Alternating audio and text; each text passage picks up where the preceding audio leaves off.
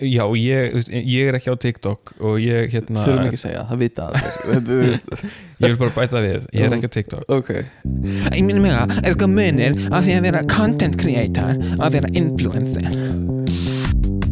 Halló er eitthvað að frétta? Já það er ekkert að frétta. Já það er ekkert að frétta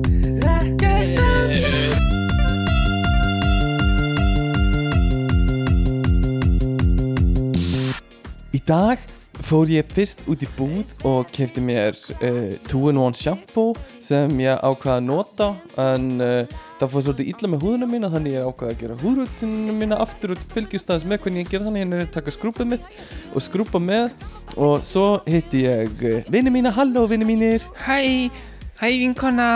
Og svo fórum við saman upp? kringluna. Ertu enda að taka upp? My god Ég var búin að segja að ég vil ekki vera í þessum TikTokum sko, meðan að meðan ég er að fucking taka upp þá þegir þú, ok. Þú kemur með eitt orð sem er hæ þegar ég segi hæ vinnur eða hæ vinnir og svo þegir þú, ok. Ég var búin að segja að ég vil ekki vera nenniru með í þessu please. Ok, og svo fórum við saman í búðina og það voru allir svo gladir að því það er nýja nóakrabbi var að koma Nýja í búðina. Nóakroppið nennir, sko hættu. Þetta, ég hættu í alvörunni. Það sést svo mikið hvað þú ert að reyna. Byrjum, prófum þetta einu svona og ef, ef þetta gengur ekki þá bara þarf ég að reka þig skilur sem vín Ok. Hæ krakka, við erum komin aftur hérna einu sem enn í kringluna. Og uh, ok, ég gæti ekki haldið áfram með þetta. Uh, hérna mm, gaman, gaman, gaman.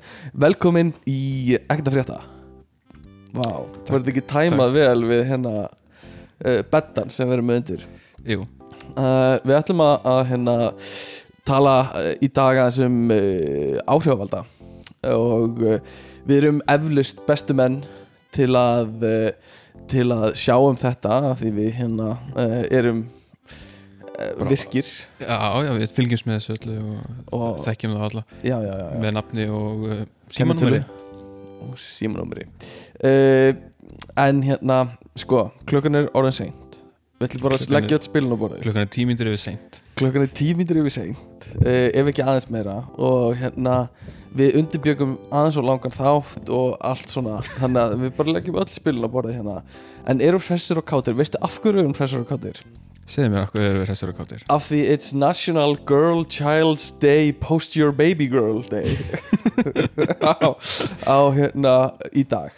Og Já, eh, kannski var hann í gær. En allavega it's National Girl Child's Day Post Your Baby Girl Day í dag. Aha. og hérna uh, sko ég verð, þetta er svona þetta er svona En hann er national, hann er ekki nei, international. nei, nei, þetta er bandaríst, Já. býst ég við. Eða ástralst, eða brest Já, eitthvað ennskumælandi eitthvað ennskumælandi en hérna mér finnst það svolítið fyndið, þetta er svona challenge challenge, já, jú, það má kannski kalla þetta challenge, en þetta er þetta er sem sagt, En þú ert alveg að tæpast af að kalla þetta challenge.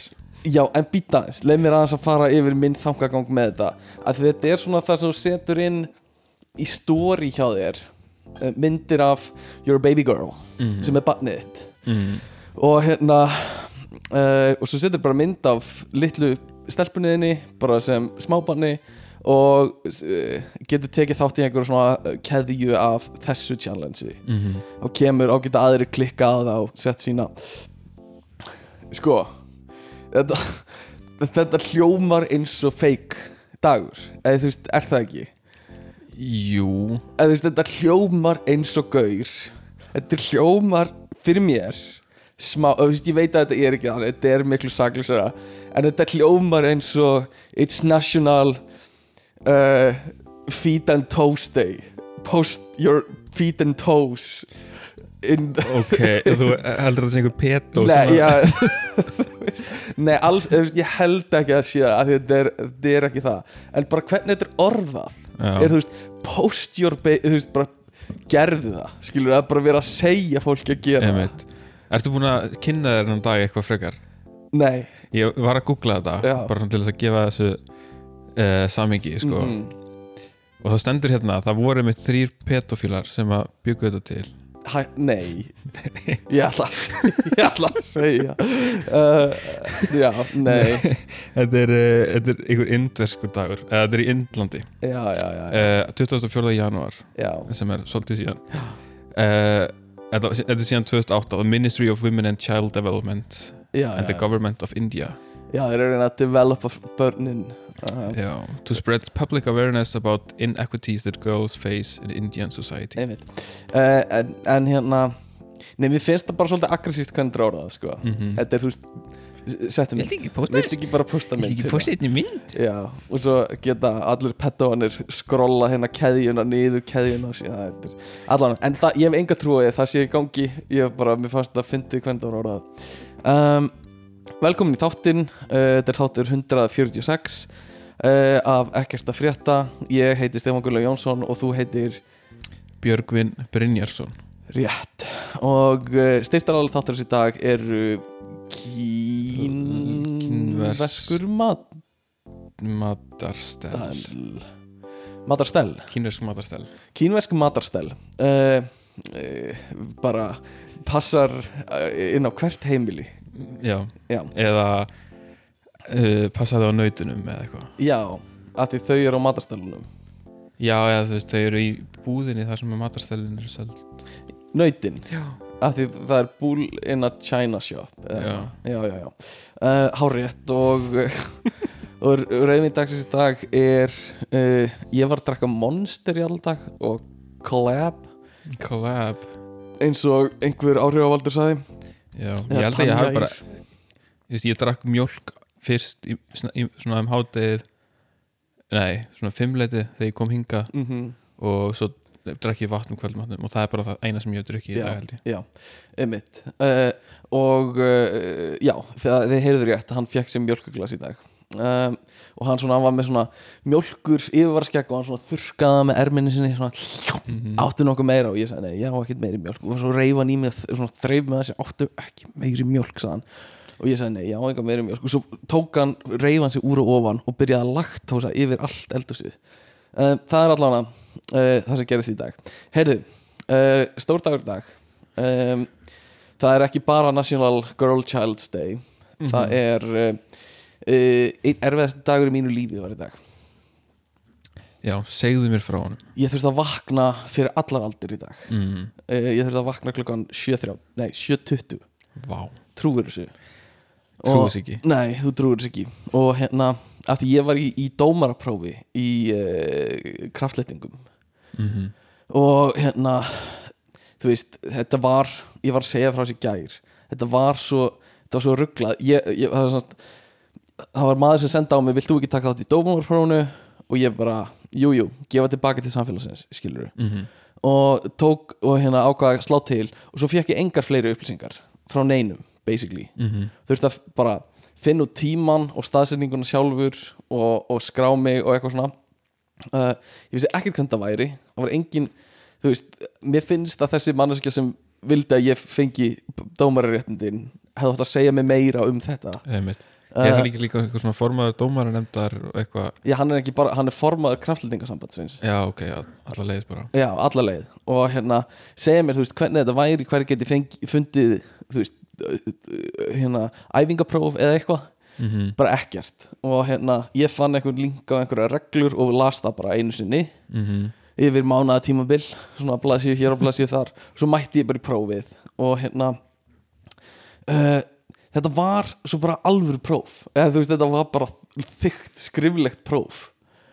Já, og hérna uh, og maður var bara eins og maður vætt, ég held að þessi tímabil í mínu lífi væri búið. Mm, skilur. Bara að hérna taka svona próf og uh, þetta var þetta var svolítið fyndið, það voru svona nördar þarna, svona eins og er í venjulegum prófum. Og þú veist klárið prófið sitt snemma og maður, ég heyrði það að segja eitthvað svona, "Vá, þetta var bara létt eitthvað svona bla bla bla, Mhm. bara svona til að sína sig hvernig, þú veist, ég held að þetta væri bara eitthvað svona sem væri í eh, þú veist, MR eða eitthvað. Ég held að fólk hafi alltaf þessa svona tilneyingu en hann svona Tendens já, vill hérna segja, sína, já, svolítið þess að þú veist, veist að þú veist betur. Þú, veist, þú ert besservisser líka þú Já, þekkir alveg hvernig þetta er sko. og það voru, það var einhver lögfræðingur þarna, þetta voru miðaldra kallar og svo nokkru krakkar basically sem voru að taka þetta próf. Já.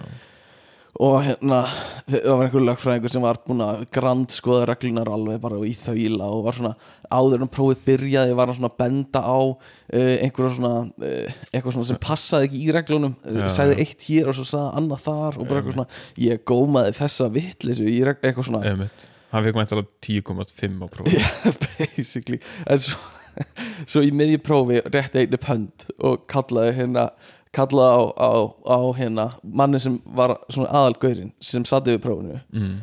og hérna í fyrsta lagi kallaði vittlust nafn oft á mjög fyndið að hlusta það. Og hérna og, kall, og svo kallaði hann til sín. Og ég heyrði hann segja hérna það var beðið um eitthvað.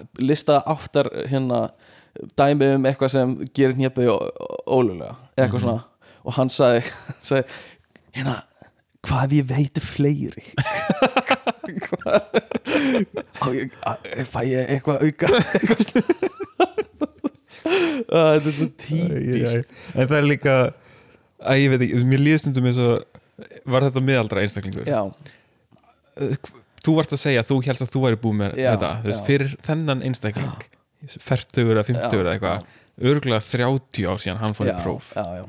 þannig að hann hann kannski bara búin að gleyma bara próf svona eða bara hvernig próf virka eða hvað maður á að gera í prófi en svo fannst mér smá fyndið að því eh, þú veist svona skipulaði var kannski var smá skrítið að því þú, gast, þú klá, skilaði prófunu og svo gastu beðið eftir niðurstöðum og, og fengið það bara strax. Þetta var semst í gær og beðist í hálftíma eitthvað. Þannig að meðan fólki var að býða þá var það að tala um prófið og það heyrðist vel inn í prófstofuna þannig að við heyrðum bara það sem fólk var að tala um mm, um prófið og hvað gerðist eða, veist, um einhverja spurningar á meðan við vorum að taka prófið og Ok. var enginn að pæla í því og yfirsettum fólki var að tala saman inn í stofunni Mhm. bara svona eitthvað já, já, hvernig var miðvikudagur þinn og eitthvað bla, bla, og, og það bara heyrðist mjög vel það, voru, það var svona það var svona eins og ef að hérna, gamla fólki í HÍ hefði alltaf verið að kvísla svona sín á milli mm. Meiri, meiri prófstofu um, en hérna uh,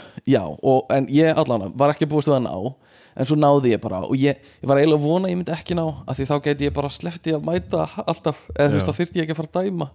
En svo slýsaðist ég einhvern veginn til að ná prófinu uh, fá 8 koma eitthvað og uh, uh, og svo var verklega prófið í dag. Og þá þurfti maður að mæta fyrir allar aldir og, og hérna dæma bara heilt mót. Mhm. uh, og ég átti uh, bara góðan dag þannig séð. Uh, nema fyrstu dómurinn minn maður á öskra að kalla eitthvað svona hérna þegar nefniðan byrjar þá átti að gefa merki svona, setja hendina upp og henda hendina henni niður og segja beja og fyrsta sem ég öskraði var og slá.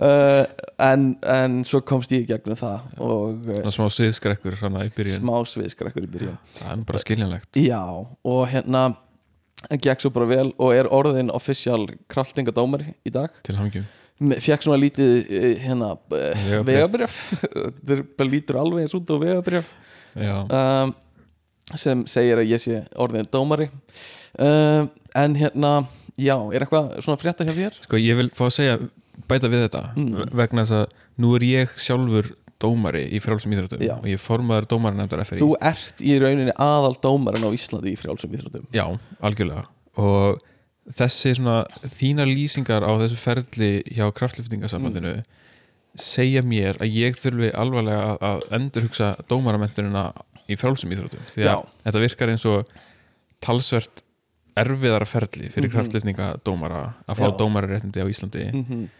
uh, ég þarf að fara að semja erfiðari próf og Mhm. lengur próf og, hérna, við, Einmitt. og hafa þetta svolítið erfiðara sko. Sko, reyndar er, er munurinn að, frjálsa íþróttir eru náttúrulega tíu mismunandi íþróttir Já, sko. einmitt og, En þeir eru með einhvers konar mín í námskeið Þeir eru allan með eitthvað efni sem fólk getur hort á það er annað sem ég ætla að segja það er mjög skrítið að kalla fólk bara í próf Já. án þess að kenna þeim neitt eða Já. fara yfir reglunar eða Nefnilega, eitthvað. en ég veit ekki hvort ég mista af einhverju það neitt, eiginlega sko. að vera uh, og það var, var fólk eins og það væri búið að vera að læra alveg mikið fyrir þetta og ger, veist, fara í gegnum eitthvað prósess og eitthvað sem var þannig en ég bara, veist, bara slýsaðist einhvern veginn til að koma eftir að bara hafa lesið eitthvað sem ég fann. Um, og hérna uh, ég bara skil ekki hvernig ég náði skilur það var, þau voru að segja að það hefði bara ég, þú veist, ég er að monta mig núna en samt ekki, skilur við að því mér er alveg sa ég auðvitað sko. Já, ég, að náði Ég- náði aðeins að bara- læra já, ég lærði já, ekki neitt.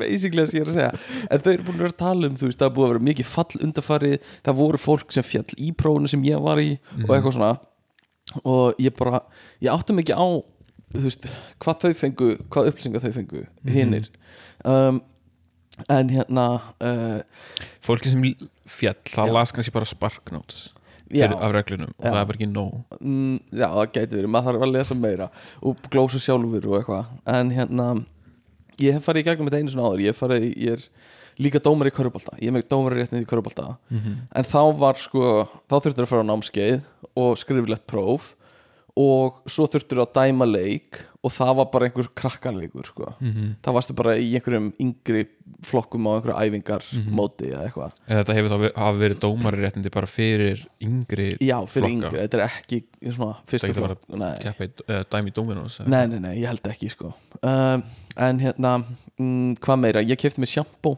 Mm. Ég kefti mér uh, hérna aftur vittlust sjampó Mhm. uh, eins og glöggir hlustendum mjöna þá kefti ég mér eitthvað svona 2-in-1 sjampó fyrir nokkrum mánuðum og Kristjana hendi í ruslið Mhm. uh, núna ákvað ég bara ok, ég kaupi þá bara venjulegt sjampó og reyndi að kaupa bara eitt eðlilegasta sjampó sem ég bara fann í melabúðinni Mhm.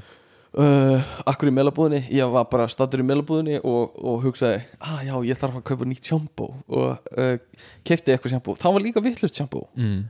uh, Það þú sagði mér frá því að það var head and shoulders. Já, og eins og ég sagði við þá allir sem bera einhverja virðingu fyrir hárin á Já. kaupa ekki head and shoulders. Af, ég vissi það til dæmis ekki. Uh, er þú veist, hvað er er, það bara eitthvað svona lélegt uh, anti-flösu sjampó eða eitthvað? Ég, veist, ég þetta held bara, að þetta er bara sjampó. er það? Já, eða bara svona ég held Að að það er bara venjulegt. þú veist, já, ok, þú veist, ég ætla ekki að þykjast við eitthvað um hár Ok. vörur, ok, en sko ég kaupi shampoo sem kostar fucking 3000 kall flaskan já. vegna þess að það er eina shampoo sem virkar fyrir Á hár. mína, já, sko. já, já, ég hef lengi háð bara áttu við, flösu, flösu draugin, flösu djöfulin sem kemur á nætun og stráir svona yfir þig svona eins og lok, Ó- Óli Lokbrá eða eitthvað. Um, Nei, en ég hérna ég held áfram uh, æfintri mínu að finna víst Já. rétta sjampótegund en þú uh, veist, af hverju eð, ok, varstu að kaupa shampoo fyrir þig eða fyrir Kristjánu fyrir mig. En, Ég held að Kristínu finnst bara vandræðilegt þegar að koma gestir og sjá shoulders Já. ég held að það sé að, og sjá two-in one shampoo og eitthvað svona, já, já, ég held að það sé er málið. náttúrulega það er rosa mörg eða svona, fyrir kalladildina í svona snirtuveru dild í búð. já. að þá er eitthvað svona þá er þú, þú getur fengið five in one. Já, bara eitthvað face, já, body, hair. En það er markmiðið mitt líka. Einfalda þetta Já, af því ég einfalda þetta líka eins og ég hef oft sagt aður, ég nota bara sápun í, í sundi alltaf, sem shampoo líka. Bara allt skilur Ok, ok. og bara hef komist í gegnum líf mitt á því, já, já, skilur og bara Einmitt. hárið mitt er bara fínt. Uh, smá að grána, en ég, ég held að það sé ekki út af því.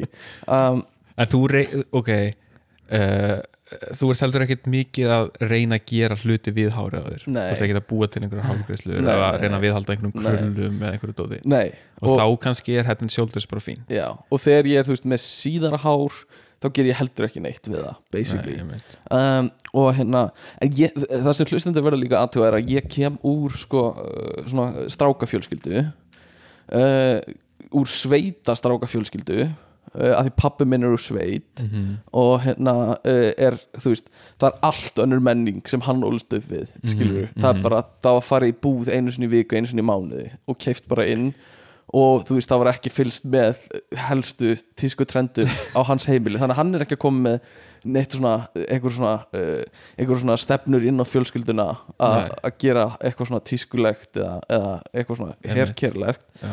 mamma mín hún er yndisleg en hún er ekki svona, svona uh, og hún er mögulega að hlusta núna og Mhm. skilur ég er bara bara taka fram, hún er bara best í heimi en hún er ekki þú veist, hún, hún er ekki uh, make-upari, skilur eða, Nei, nei. eða, eða hérna uh, eitthvað svona og hvað þá Hún er ekki með 10 step skincare routine Nei, og, og hvað þá fyrir kallmenn skilur já. uh, og hérna, þannig ég veit þú veist, þetta hefur aldrei verið áhersla í mínu lífi Nei. skilur Nei, ég meina, á- það er alveg það sama hjá mér hjá, heima hjá mér voru ég man ekki eftir öðru heldur en að það hefur verið keift bara einhver svona mjög basic shampoo Mhm. já, og það var enginn sem talaði við mig um að eitthvað svona að nota eitthvað sérstaka sápu til að þrjóða mér andlitið Nei, eða neitt nei, sko. ekkert svo leiðis Eh, já, þannig að nei, nei, ég, ég, ég skil alveg pælinguna Mhm. og hérna en head and shoulder, sko, ég pæli hvernig eru axlinar Þær það eru- er flottar. þær eru fín, að- það er svolítið hárum að vaksa þær. Þannig Já, að einmitt. kannski er head and shoulders uh, fyrir þá sem vilja hár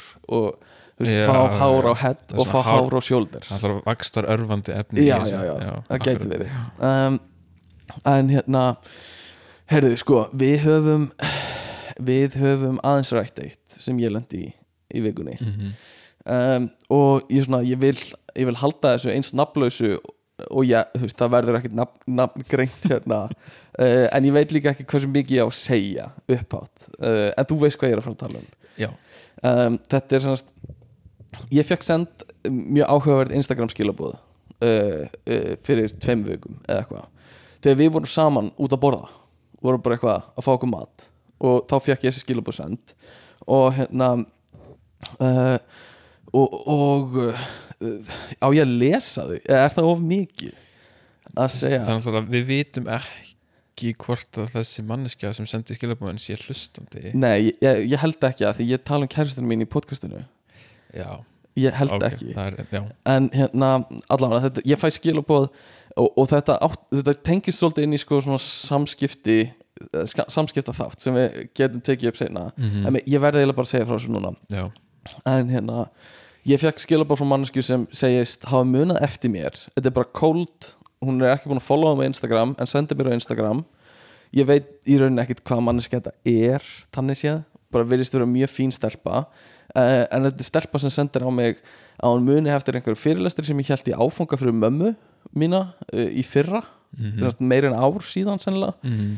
uh, og hérna hrósar fyrirlestrinum og hérna uh, segir að ég hafi verið mega heillandi uh, og hérna að hún vilji kynnast mér betur Mhm. þetta er bara Mhm. kemur upp á þurru á einhverju föstudegi mm Mhm. föstudagskvöldu klukkan átta og, uh, og ég veit ekki þú veist, ég hef aldrei lent í svona áður og það er auðvitað fullt af fólki sem lendir í svona reglulega skilur já, örgulega um, en hérna þannig að við förum í það saman næstu þrjá daga að hugsa hvað hver ég á að svara við fórum alltaf strax í að hugsa hvað er hún að meina já, já, já, já, já. hvað, hvað er hún að reyna að segja já.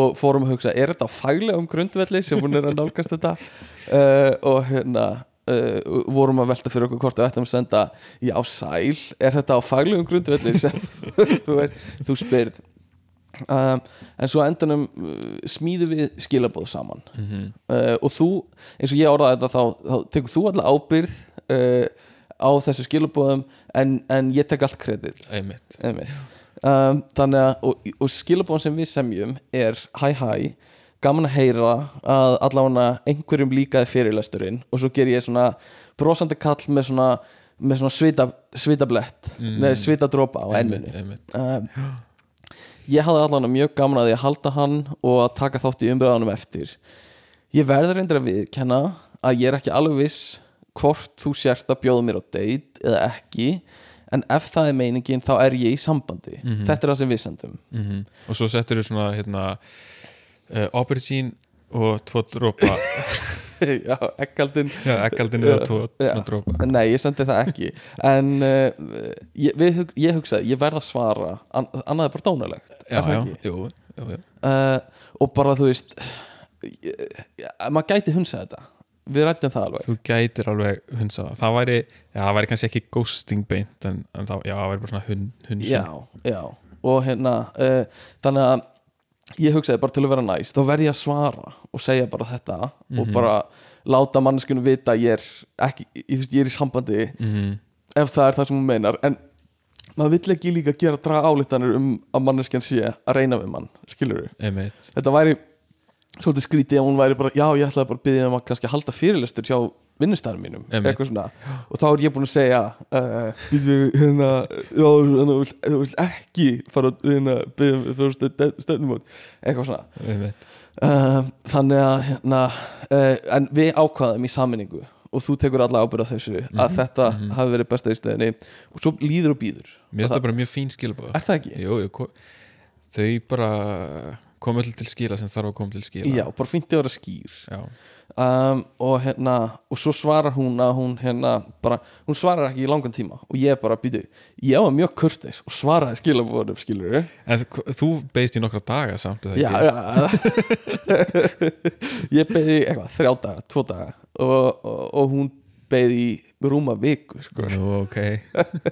Uh, en hérna uh, svo sendir hún eftir viku, greinilega er það ekki, búin að sjá skilabóðum fyrir löngu Já, og er bara að melta það Já, eða hvað? Og kannski ætlar ekkert að svara eða hvað, veit það ekki. Uh, Já, kannski bara svona sáun skilabóðin mm. uh, hún, ok, ok, Hún, hún hefur verið hérna alla þessa þrjá daga þá hefur hún í hvert einasta skipti já, sem að hún síminn pingar já, þá hugsaður hún, "Hå, er þetta skilabóð frá já, og í hvert skipti, á nei. Já. og svo kemur það loksins og hún sér að þú sendir skilabóð Mm hún opnar þau, geður þetta spenn les þau og verður fyrir vonbröðum þú veist, eðlilega. Ok. Og bara lokar hann bara strax. Bara, þú veist, ég vil ekki sjá það. Vil ekki sjá þetta og svo kannski svona hægt og rólega hægt og safnar rólega hún þá ekki fatt, fattar hann ok, ok, ég þarf kannski að svara þessu. já, já. Uh, en hún segir sko hún, hún byrjar að því að segja hún virði það 100% Mhm. uh, annað en hvað? Eða þú veist uh, bara skiljanlegt, bara frábært. Og segir svo að hún vildi bara koma svo framfæri með fyrirlesturinn og líka svo endur hún á því að segja aðeins að test the waters Mhm. að það var hún líka að gera. Um, sem var þá alveg skýrt að það var. Þú veist þá fengum við staðfesting á því. Já, já að það var það sem hún var að meina. Ég menn, annars að hún byrja á því að neita því uh, já, já, ég býst við því. Uh, sem hefði gersamlega uh, eðilagt mig, skilur að heyra það eftir ég er búin að gera ráð fyrir því sem Já, í, í fyrir skilabóðum það hefði verið mjög vandræðalegt fyrir mig. Mhm. um, og hérna já, og svo bara svara ég þessu eitthvað. En þetta, þú veist, fær mig bara svona fjekk mig til að hugsa um svona samskipti kynjana í dag Mhm. uh, og þetta er eitthvað sem mér langar að ræða í þætti í framtíðinni en þú veist, það er þessi samfélagsmiðla uh, dating menning sko. Mhm.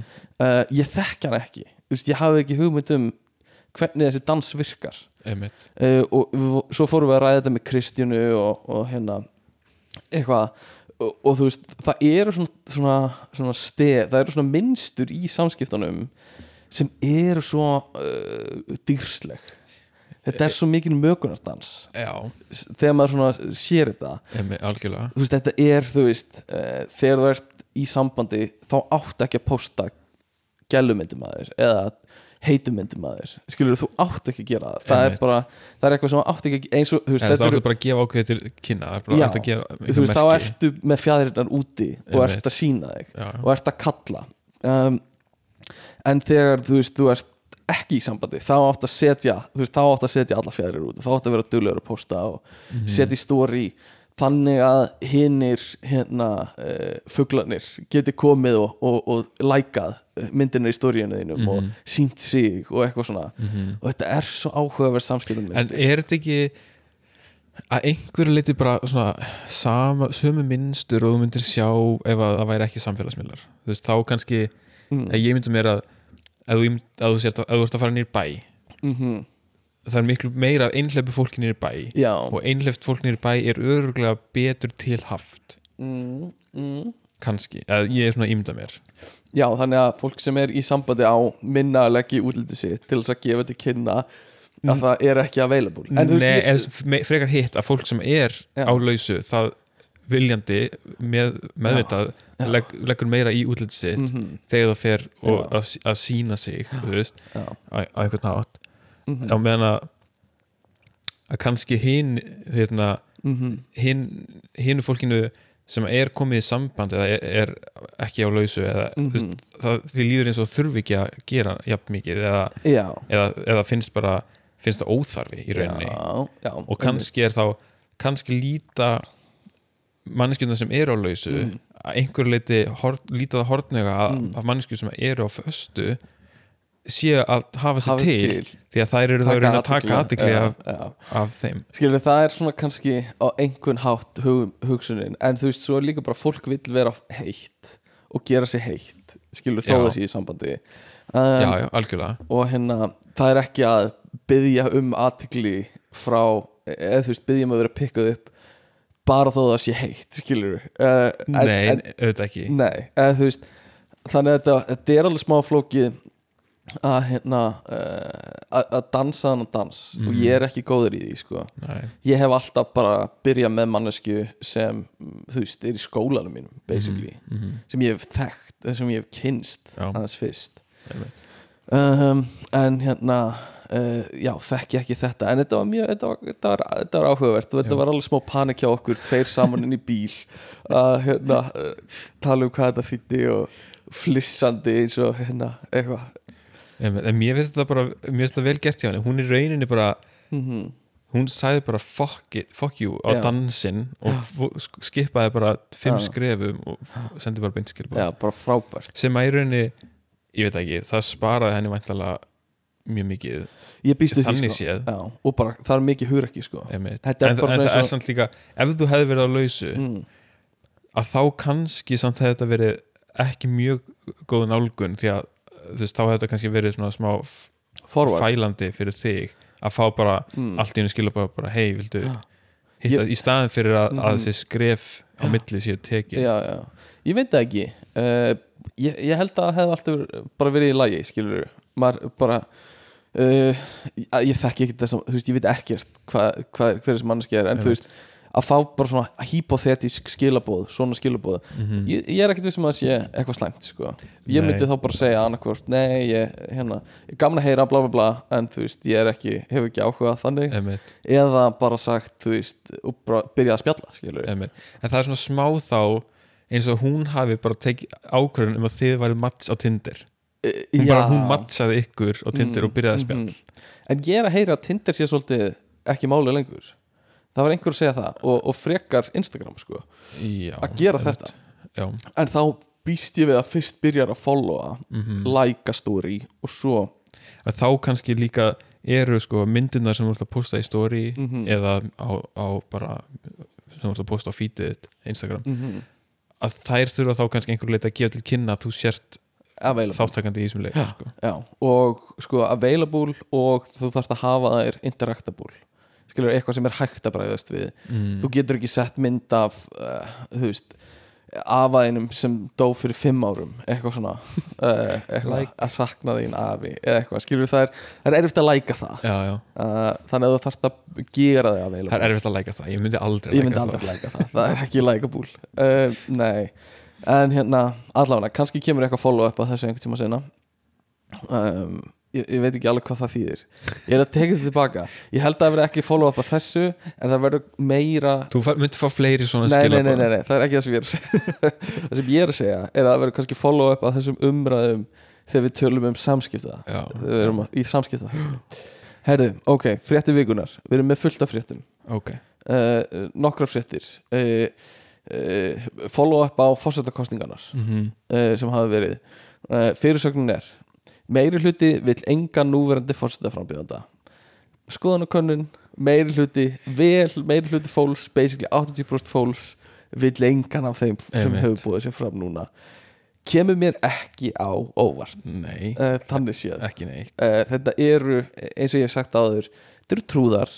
Mm upp til hópa uh, fólk er að nýta sér þetta bara til þess að fá aðdegli uh, vegna þess að sem ábyrgur samfélagsþegn í líðræðið samfélagi að þá líður mér eins og ég eigi að það sé mín skilda að kynna mér að þegar einhver, já, einhver hérna býður sér fram. Já, einmitt, og þá, einmitt. þannig að eh, þegar það kemur frétt uh, einhver, þú veist Kalli Bimbo býður Já. sér fram Já, að þá, og, og kannski einhver manneski sem ég þekki ekki neitt og mögulega er þetta bara legit frambóð já, já, en svo er þetta bara einhver sem er í rauninni bara að fá, fá sér aðtegli með því að post, posta einhverju á Facebook eða Instagram Já. og, og vísir tekur það og gerir fréttum að hann sé að bjóða sér fram þetta er náttúrulega indislegt, við ættum að gera þetta sko Já, þannig að núna er ég eiginlega búin að taka það ákvörðun og reyndar hefur ekki reynd á þetta en þá að Mhm.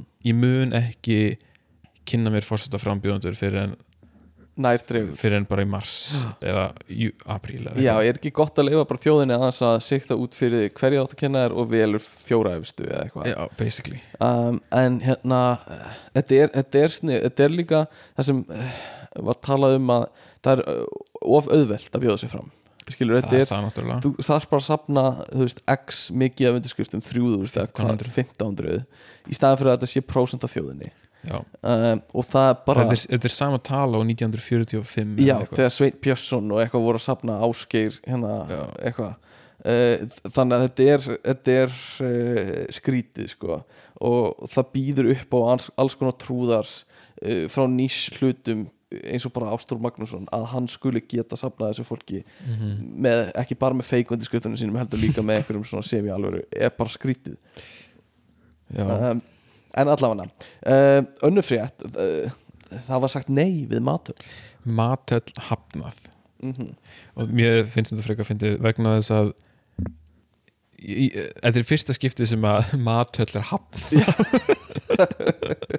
hinga til að hafa bara allar matöll bara flóið í gegnum Já, borgar bara eða, flott, eða já, stjórn, borgarstjórn eða eitthvað. Bara glæsilegt. Þarna, og ég veit ekki hvort þetta sé fyrsta skiptið sem að Mm. þetta er en sko minni hlutin Mhm. í borgarstjórn stakk upp á matöll í mjótt já, og meiri hlutin bara feldi það. Já. þannig ég er að hugsa hvort að meiri hlutin hafi verið allan tíma hvort að meiri hlutin sé búin að vera hérna stingu upp á allum sem matöllum sem Mhm. hafi verið hingað til. Og svo kemur minni hlutin fyrir hei, hvað með í mjótt og meiri hlutin bara nei. Nei, nei, nei, það er ekki góð hugmynd sko. Og svo kannski eftir svona hálft ár að þá Mhm. kemur meiri hlutin með tillögu um matöll í mjótt Allir mjótt, Það er svolítið sniðugt. Eh, Við vorum að stinga upp á því fyrir ári síðan. Nei, nei, nei, þetta er ný þetta er nýtt, nýtilega. Þetta þetta er ekki á samanstæði mjótt Já, mjóthöll, við ætlum að kalla þetta mjóthöll uh, Nei, bara er ekki fínt að það sé komið aðeins svona uh, filter á Jú, eða er það var svolítið heitt að hata mathallir eh, nýlega sko, er kannski aftur komið inn að elska já. Ég velti fyrir Hva, mér. hvar, ha- Hverir hafa verið að hata matallir bara segja að þetta sé allt sama hluturinn og of mikið af þessu og eitthvað svona bla bla bla. Mhm. Eh, Við höfum áttu nú einhverja umræðum þetta s- saman um daginn. Já, og vorum að tala um að stett ekki á mathöllum að þú veist, hvaða En eru líka eins. bara hvað er matöll sko. mm Mhm. Við vorum að tala um að kúmen er ekki matöll Þetta er þú varst að tala um að kúmen Já, væri ekki Kúmen matöll. er ekki matöll Kúmen er bara food court. Já, en þá var ég að segja er þá ekki bara allt food court skilur uh, Og þá var ég að segja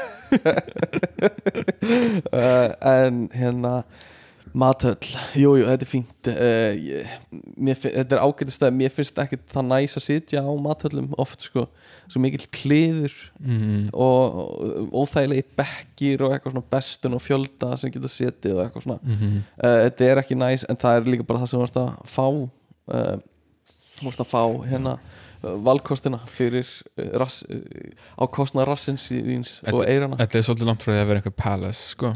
já, þetta er ekki palace sko, þetta er eins og þú segir hall Já, þetta er mathöll er þýðing á hall, já, ekki er- palace einmitt. sem er eitthvað sem ég tengdi ekki alveg við strax sko. heyrðu Hva, þú veist, Hvað verið hall? Ef þú ætlaðir að að þýða það mm, Hall, það er bara gangur nei það, bara svæði. Svæði. Uh, bara svæði. Hall er samt bara svona great hall skilur það er bara, Já, já, já. bara salur, matsalur. Matsalur. Veist, Þetta er bara matsalur. sko. það er það sem þetta er. Um, heyrðu, spýtur henni með það aðeins. Um, Jodie Foster sagði Olivia Hrönn vera bestu leikun í heimi. Mm þetta er svolítið skemmtilegt, þú ert byrjað að horfa True Detective. Þetta er vísað í að, að Jodie Foster var að taka upp uh, þáttaseríuna, fjóruðu seríu á þáttaröðinni True Detective hér á landi uh, og tóku yfir uh, einhvern bæ, Njarvík Dalvík held ég. Aha, Já, e- eða var eitthvað fyrir norðan. Ok. Og hérna mm, fullt af íslensku leikurum sem voru leiki í þessu og Ólafíjar hann var bara að tala sína reynslu. Og uh, Ólafíjar hann fekk uh, svona bíl svona loftpúða úr bíl á nefið byrja að blæðu nefin á sér en hjælt senn áfram eða eitthvað bla bla bla Mhm. og Jodie Foster sagði fyrir aftan hana uh, God damn it, you're the best actor in the world eitthvað svona bla bla bla Mhm. um, og hérna mm, mikið af íslensku leikurum í þessu hvernig eru þeir? þeir eru að standa sig ágætlega þeir eru allir í einhverjum svona minni hluta, hlutverkum minni mm -hmm. einhver hlutverkum sko. En það er, það er gaman að sjá það þegar þau poppa upp það hefur verið hann Aron Mola. uh, Mola og uh, Vili Neto Já. hafa líka verið og hérna Þorsteinn Bachmann leikur einhvern Mhm. norskan hérna scientista Scientisti og, og, og, og svo er Ólafía Hrönn nei, jú, ó, hérna Ólafía Hrönn, jú Mhm. og þau voru já. að tala um sko íslenska hreimin Nei, að þú veist þau fengu coach til að Einmitt. kenna þeim að tala með réttum hreim emitt ég held að sé erfitt að kveða íslenska hreimin í kútin sko. Já, það, það hefur verið svolítið maður, he- maður heyrir það alveg þetta er alveg svona að ég fyrst áttaði mig ekki á því sko, mm. þegar til dæmis fyrstu þarna eh, leikarnir Já. koma, íslensku leikarnir Mm að þeir svona þú veist ok, maður heyrir, þetta er ekki alveg svona íslensku reymur, þannig að þeir hafa eitthvað eitthvað fiffað Já, sko, já.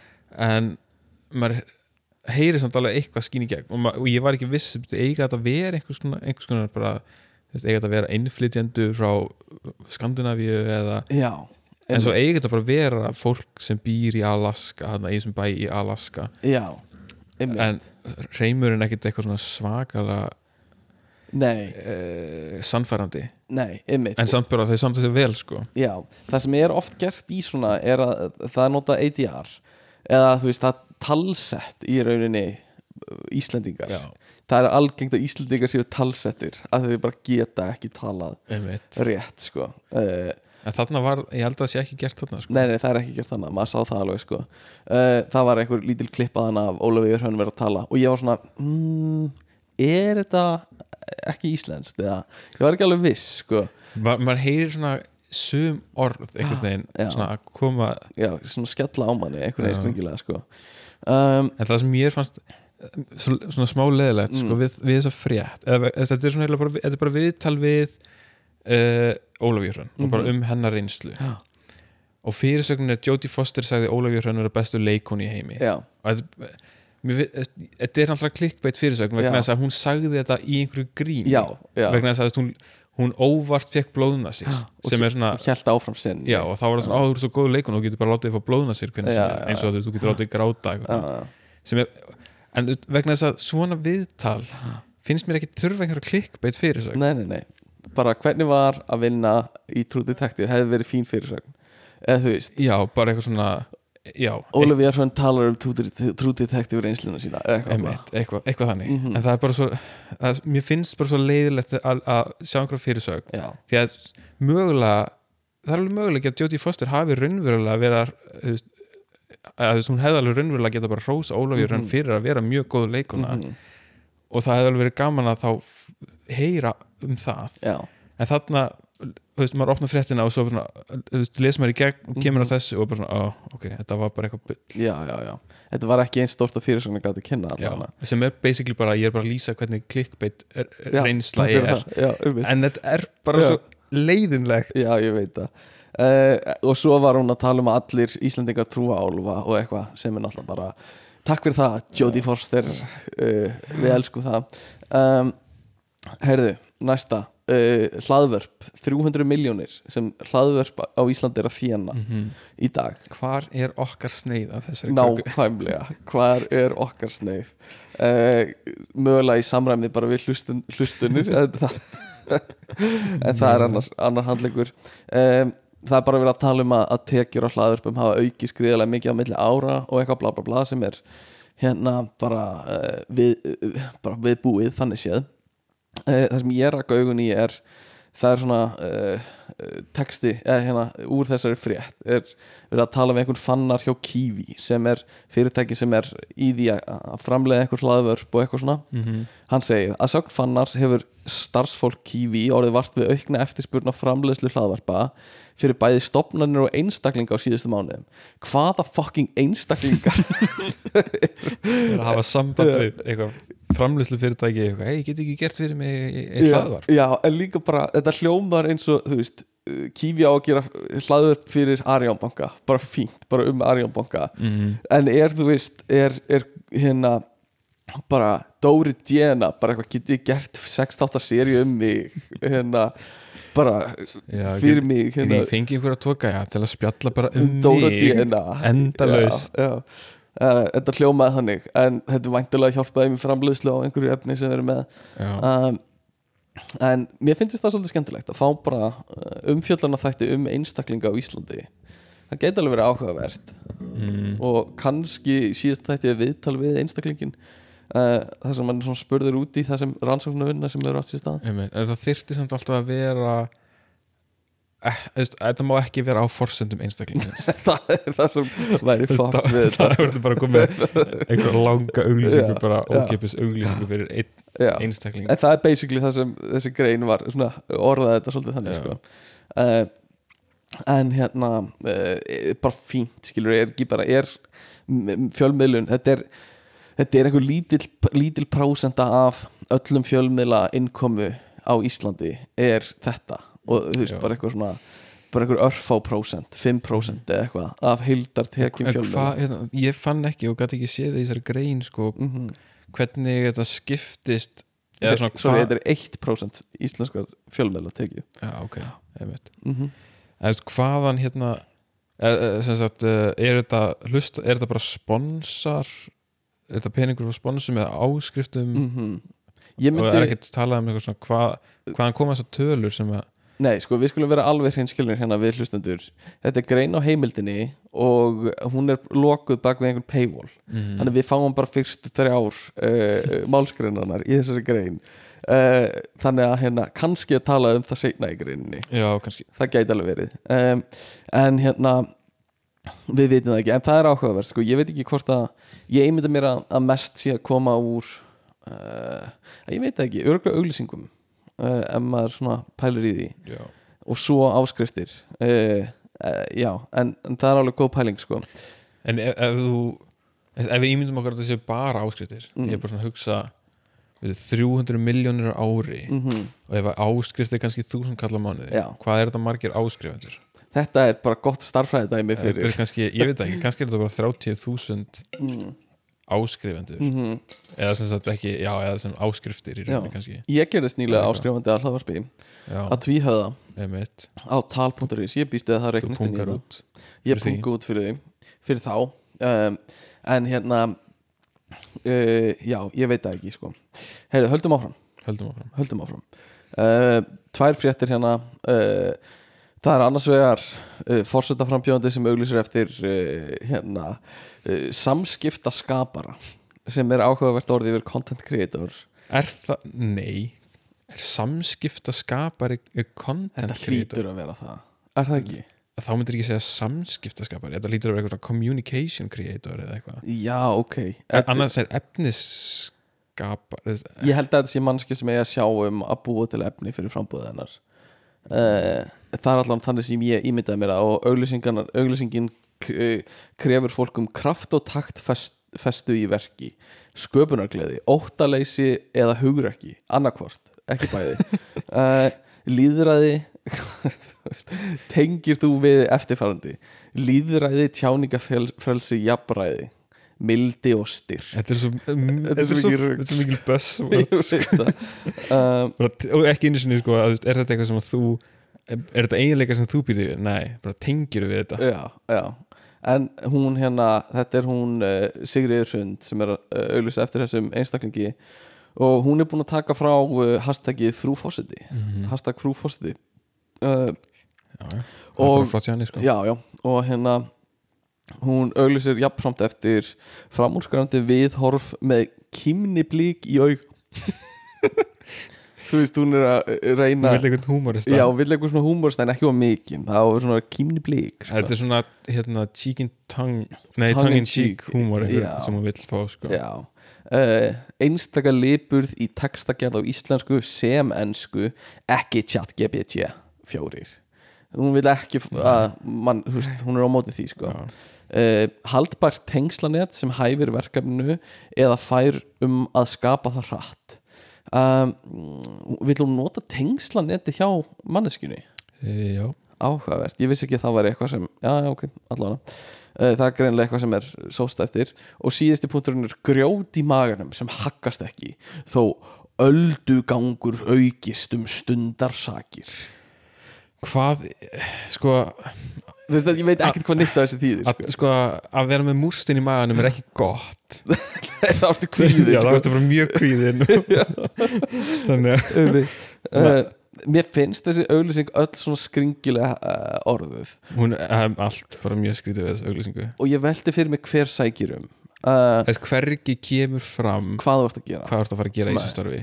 Sko mesta lýsingin allavega á þessari uh, á þessari auglýsingu sem hún sett inn á þessari mynd sem hún sett inn þá er mesta lýsingin er, er sko landsleikurinn er hafin þú kemur inn á næstu sókn. Tekur boltan á lofti með annari hendi skoppar uh, ekki oftar en tvísvar í gólfi. Tekur hraða hlaup, ekki hraða upplöp heldur tekur hraða hlaup fram og skorar áfram Ísland. Eitthvað svona. Þetta er svo, þetta er indislegt þetta uh, er svo frábært. og þetta segir mér ekkert um hvað ég er að fara að gera sem samskiptaskapari. Uh, kannski er hún bara að leita að manneskjum til að skapa samskiptin sem tengslanett skilur uh, bara, bara tengja skilur veit það ekki? Mm. Kristjana stendur hérna hjá og, og með einhver svona skrítin svip á sér. Veist þú eitthvað hva, um hvað þetta fjallar Kristjana? Hún, hún kinga kolli, hún veit nákvæmlega um hvað þetta Hva, fjallar. Hvað samskiptaskapari gerir? En- Já, já, viltu koma að segja okkur hvað samskiptaskapari gerir? Nei, hún vil það ekki. Hún, sit, hún stendur bara, hún vil ekki taka þátt í þessu. En allavega hérna, Sig, Sigriðurhund.is hún á lénið, hún getur hérna Það flott. Það er flott sko. En Líka ég sé landslis Þetta, þetta þarna. landslýsklausa er algjörlega bara þetta er, þetta er, ég skil ekki. Ég skil ekki af hverju. Er Mér fyndi líka að velja sko, veist, það er eiginlega eins og ChatGPT hafi skrifað þetta sko. að velja að segja sko, tekur boltan á lofti með annar hendi skoppar ekki oftar en tvís var í gólfi. Akkur segir ekki bara dripplar einu sinni Já, skoppar ekki oftar en tvisvar. Mögulega aldrei mögulega einu sinni. En alls ekki oftar en tvisvar. Já, já, já. Um, Þetta er, þetta er indislegt sko. Uh, Og ég vona bara að sækja einhver hæfur um þetta starf. Ég er bara hrættur um að fá einhverja lúsera sko. Uh, Og ég, ég lafa þetta hrættu við það Að það séu bara einhverja lúsera sem sækjum sko. Uh, En vonandi finnst einhver, einhver hæfur. Um, líka sko, ok mm, umsækjandur vinsamlegast finnið heppilegustu leiðina til að hafa samband. Stend það stendur þetta neðst.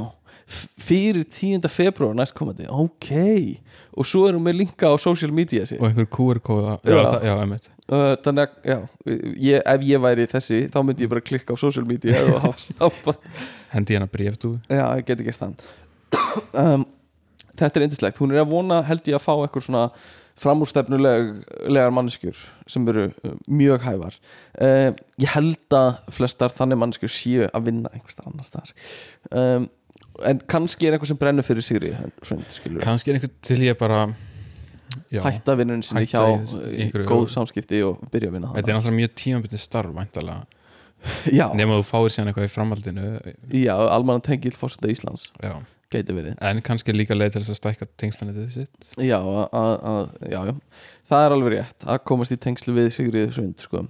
um, allavega síðasta fréttin er svo sem frekar ómerkileg. Það er e eitthvað ísraelsk e eitthvað ísraelst e fjölmiðla efni e gera grín af Íslandi. Ég veit ekki hvað, sem, hvað við nennum að tala um þetta mikið. Nei, þetta er allt bara sko, lélegt það sko. er bara aðalega sko og við kannski getum ekki gert í góðskil fólk þarf bara að finna þessa frétt og, og horfa á þetta og lesa í þannig íslensku þýðinguna. Já, en þetta er bara svo lélugur húmor. Já, já. Eftir, ég veit að það er náttúrulega bara mis, mismunandi húmor eftir löndum Já. og menningu og eitthvað svona. Og líka bara innan all, allra landa er vondur húmor. Skilur bara uh, SNL í bandaríkjunum er oft bara mjög lélegt sko. Þó að það er verið á toppurinn á einhverjum svona bandarísku gríni sko. já, já, um, að einhverju leiti sko. En hérna uh, þannig að við, ég veit ekki Það- hvort það- það er bara lélegu þáttur. Nei, nei, nei, nei. Uh, og ómögulegt að vita hvort að þetta sé uh, eitthvað, þú veist Nei. hérna, en þetta snýst í rauninu um það að það er spyrill í sjónvarpið sem er að tala við einhvern eins og það sé einhver viðmælandi í þætti uh, sem, er í, sem er í hatarabúning og er að leika hatara meðlum basically já, og er að tala eitthvað, eina gæða slappa asnalega. Já. basically uh, og svo er gert grín af Greina Björk og eitthvað og það sem hann að palestínska gæja Já, sem að hérna, ætla að taka þátt í söngukefninni já, og þeir samt málaðu upp eins og hann sé bara raunverulega að fara að taka þátt í Eurovision fyrir Ísland sko. einmitt. Einmitt, já þetta er áhugavert ég bara væri áhugavert að skoða þetta svo frétt, hún er bara að mjög já, ég veit ekki hvað ég á að segja áhugavert. Um, en allavega uh, nóga þessu. Hvað segir um uh, áhrifavalda er það ekki málið það? áhrifavaldar, það er málið. Jú, Ætli þeim að- við ætlum að tala um það. Uh, sko hvað er við áhrifavaldar? Ég vona að við höfum valdið einhverjum áhrifum Mm með öllu þessi rausi. Já, þetta er raus það er gott orðið yfir þetta sko. Um, við hérna já, ég veit ekki hvað maður þarf að vera.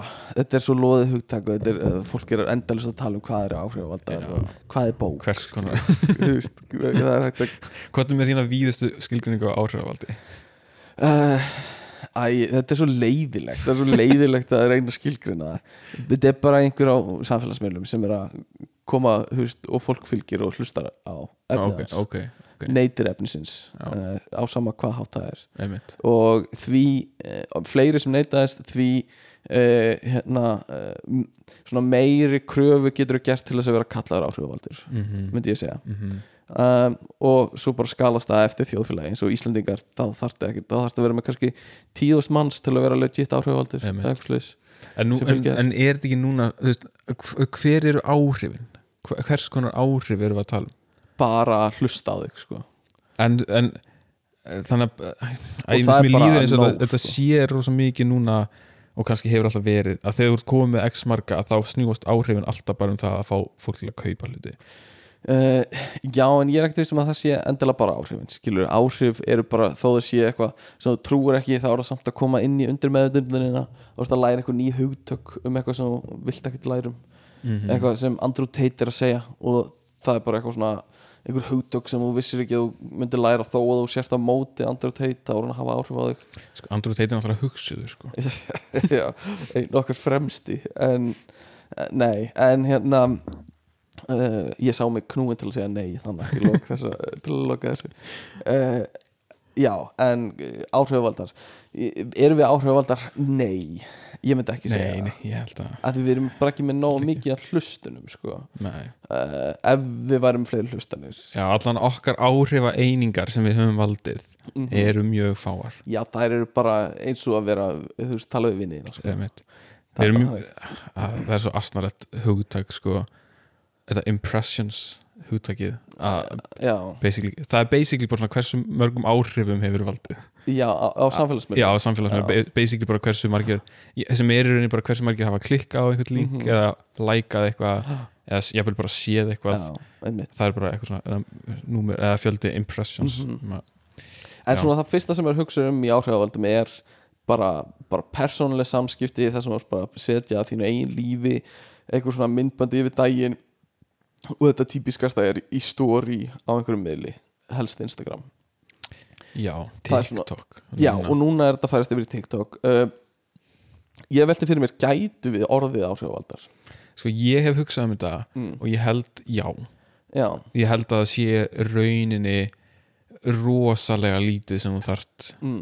þannig séð, Mm. eða það eina sem þú þarft einhvern veginn ég, ég er ekki að segja að við gætum orðið mestu áhrifavaldar í heimi nei en ég held að við, Við gætum við gætum já, að því leiti að margt af svona áhrifavaldar kontenti er bara mjög það er mjög lítið effort í því mm. Mm. Mm. þannig að það er ekki, mér líður eins og sé ekki einhverjir rosalega miklar hæfileikar endilega Mm. sem það krefst þú þarf, krefst kannski einhverja vinnu og Mhm. uh, já, Mhm. Og þú veist, einhvers konar persónuleika en þú veist, það er alltaf að feika persónuleika á myndbandi. Já, persónuleika og kannski ef minni persónuleika geti staðar útlit, veit ekki?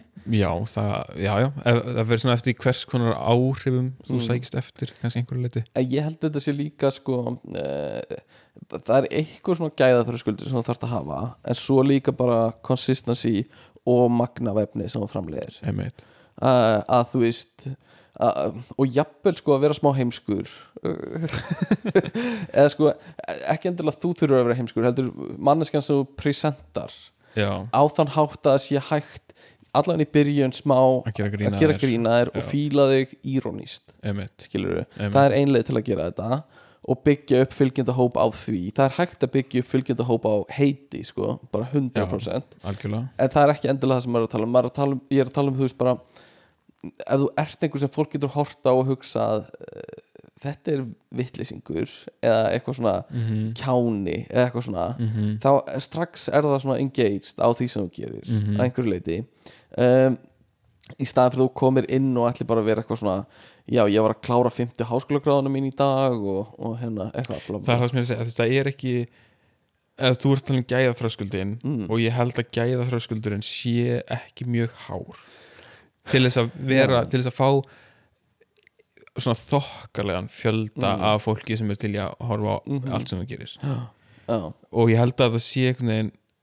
uh, veist, ek- og þetta á ekki bara við um uh, TikTok eða Instagram svona einhverja influensara Mhm. heldur líka bara hérna hlaðvörp Mm. eða rauninni allt efni sem bara svona almenningur Mhm. setur út mhm, á netið Mm. að það er ekkit rosa hár gæðþröskuldur til þess að fullt af fólki sé tilbúið og til í að já. fylgjast með því og horfa já, einmitt. En það þarf að vera eitthvað sem grípur samt eitthvað smá.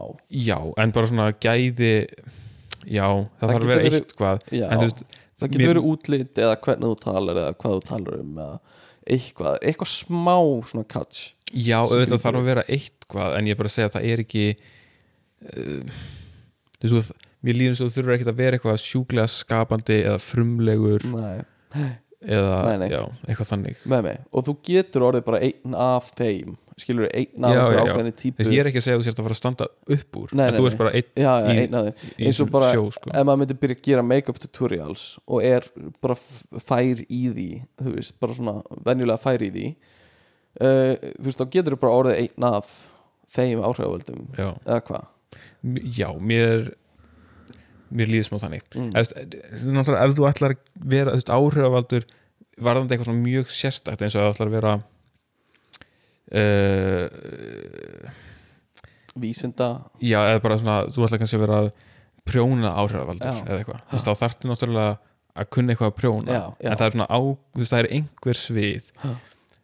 Kannski bara svona það sem fólk, þú veist, það er alveg til áhrifavaldar mm eða eh, sem að í rauninni bara tala um daginn sinn -hmm. sem er bara mest basic ass dagur allra já, tíma. já, við sáum það einmitt núna Og- uh, þegar vorum að skoða þetta aðan Já, og, og, en samt fær samt er fólk að horfa á það. Veist, sumir greinilega bara hafa mjög gaman að horfa á bara mesta hverstagsleika allra tíma. Já, þetta er samt held ég líka sko, þú byggir upp áhrifandahóp og kannski á einhverjum tímpúnti þá uh, ertu með þann áhrifandahóp það invested í þér að það vill bara sjá hvað þú ert að gera bara eins og vinuðinn, skilur við bara eins og líka hlustendur okkar eru tilbúinur að hlusta á eitthvað ógeðslega ómerkilegt tala um eitthvað dómarapróf og eitthvað.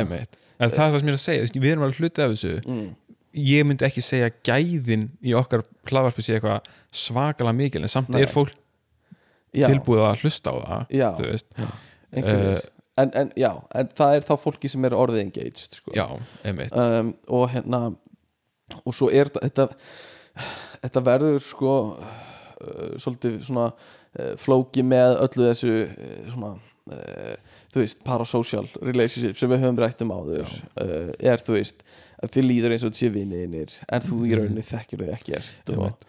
og eitthvað svona um, En kannski er ég núna eins og, veist, kannski er einhver falin listan á baka því sem ég skil ekki. Kannski er ég svona eins og gæinn sem að horfir á málverk sem er bara rauður kassi og hugsa ég hefði getað gert þetta.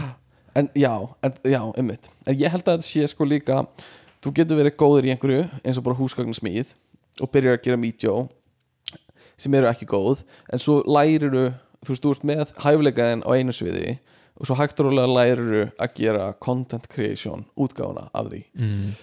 Og það byggist hægt og rólega upp með áhörundafjöldanum en samt sko það er samt einhvern veginn ég, í mínum huga um, Meh. um, Í mínum huga? Alright Í mínum huga er sko munir af því að vera content creator Ok. og að vera influencer. Já, já, já, ég skil þig. En, eða samt, já, að, að gera bara eitthvað svona smíðamyndbönd það sem er bara svona, ég er að smíða horfða á mig, smíða þennan hlut. Mm uh, eða þú veist, þetta eru já, Þetta hljómar eins og eldri bróðurinn sem er með Playstation 1 fjastringuna og yngri bróðurinn sem fæ fjastringuna sem er ekki plugguð inn Horða mig, spila telmileikin einmitt mm -hmm. uh, en svo en, já, þannig að mér finnst vera munur á því og svo svona influencer content sem Já. er alltaf mm, það er einhvern veginn öðruvísi form á því Já. og önnur skilabóð og mér finnst þau oft einhvern veginn felast í Sölu? Í sölu á einhverju. Varningi eða sölu á einhverju svona ímynd Já, og það er persónuleika. sem sko, fyrirtækin sem eru auglýs að vilja fá sko. um, en hérna, allána gætu við það, mögulega. Ef við, þú veist, erum tilbúinir að, að veist, eh, leggja líf okkar einhvern veginn allt undir Já. á ákveðin hátt og gera myndböndin og leggja vinnunni í að gera myndböndin ég Einmitt. er ekki viss samt um bara við núna myndum pikka upp og byrja að taka upp lífið okkar myndi fá traksjón ég held þú þurfur að þetta húka þarf alltaf að vera einhver hugsun á bakvið og líka eitthvað til að húkin sko. já, þú veist, þú þarft Já, þá að verða láta eins og sért einhver kjáni að gera eitthvað kjánulegt Mhm. skilur sem er áhugavert eða þú ferð út á götu og tekur viðtöl við fólk sem eru fyndin eða eitthvað, skilur bara eitthvað svona smá til að húka fólki inn. Já. En þá held ég að svona, eftir það er kannski bara eða ekkert rosa hátt. En þetta er svona eh, já, einmitt sko það, mm, kannski einhver leitað sem ég er að reyna að segja er að uh, að ég held að þið séu ekkit erfitt heldur að vera bara í rauninni hvaða að mörg störf sem eru unnin mm þú veist, þau eru kannski ekkit erfið en þú Mhm. þarft að hafa áhuga á þeim Já. og þú þarft að leggja þeim. tíma og vinnu í þau uh, alveg, ég held til dæmis að þú getur alveg ok, kannski er þetta eitthvað kontroversial Mm. en þú veist, eins og að vera fótboltamaður eða fótbolta, já uh, ef þú hérna ef þú búin að æfa fótbolta frá því að þú varst 8 ára mm uh, eða eitthvað að, að þú getur orðið mjög góður fótboltamaður -hmm. uh, og kannski bara spila í efstild á Íslandi eða eitthvað þú ert ekkit besti fótboltamaður í heimi Nei. en þú ert alveg vel Já. spilandi mm. og kannski getur þetta meira, verið vinnað einn mm. já, einmitt þú veist þannig að ég er ekki að tala um að vera Nei. bestur Nei. en bara að- vera við að hver sem er einhvern veginn líður mér ef hann hefur áhuga Mm og Nennir að leggja að vinnu þá Já, getur já. hann gert það. Ég skil þig, en svo er líka hægt að finna nýs eins og svona, það sem er núna svolítið nýs sem er að fá mikið traksjón er svona kallmennsku típan af þessu fyrir kalla. Mm uh, og, og hérna uh, þá ertu líka bara það er partur af því að tala inn í ákveðin hóp. Uh, og það, þú getur fundið bara reynd að finna út hver sá hópur er og reynd að segja það sem þeir vilja heyra eða sá hópur vil heyra. Mm og þú þarft ekki endilega að trúa því 100% einmitt. En bara að þú vilt fá áhörðu og byggja upp hennar áhörðandahóp til að verða influencer, þú getur reynd að finna þetta nýs og bara talað inn í það sko. og þú veist, kynntir hugmyndafræðina og bara reynda að, þú veist, preacha því. Mm uh, og ég held að það sé líka einlega til að gera þetta sko.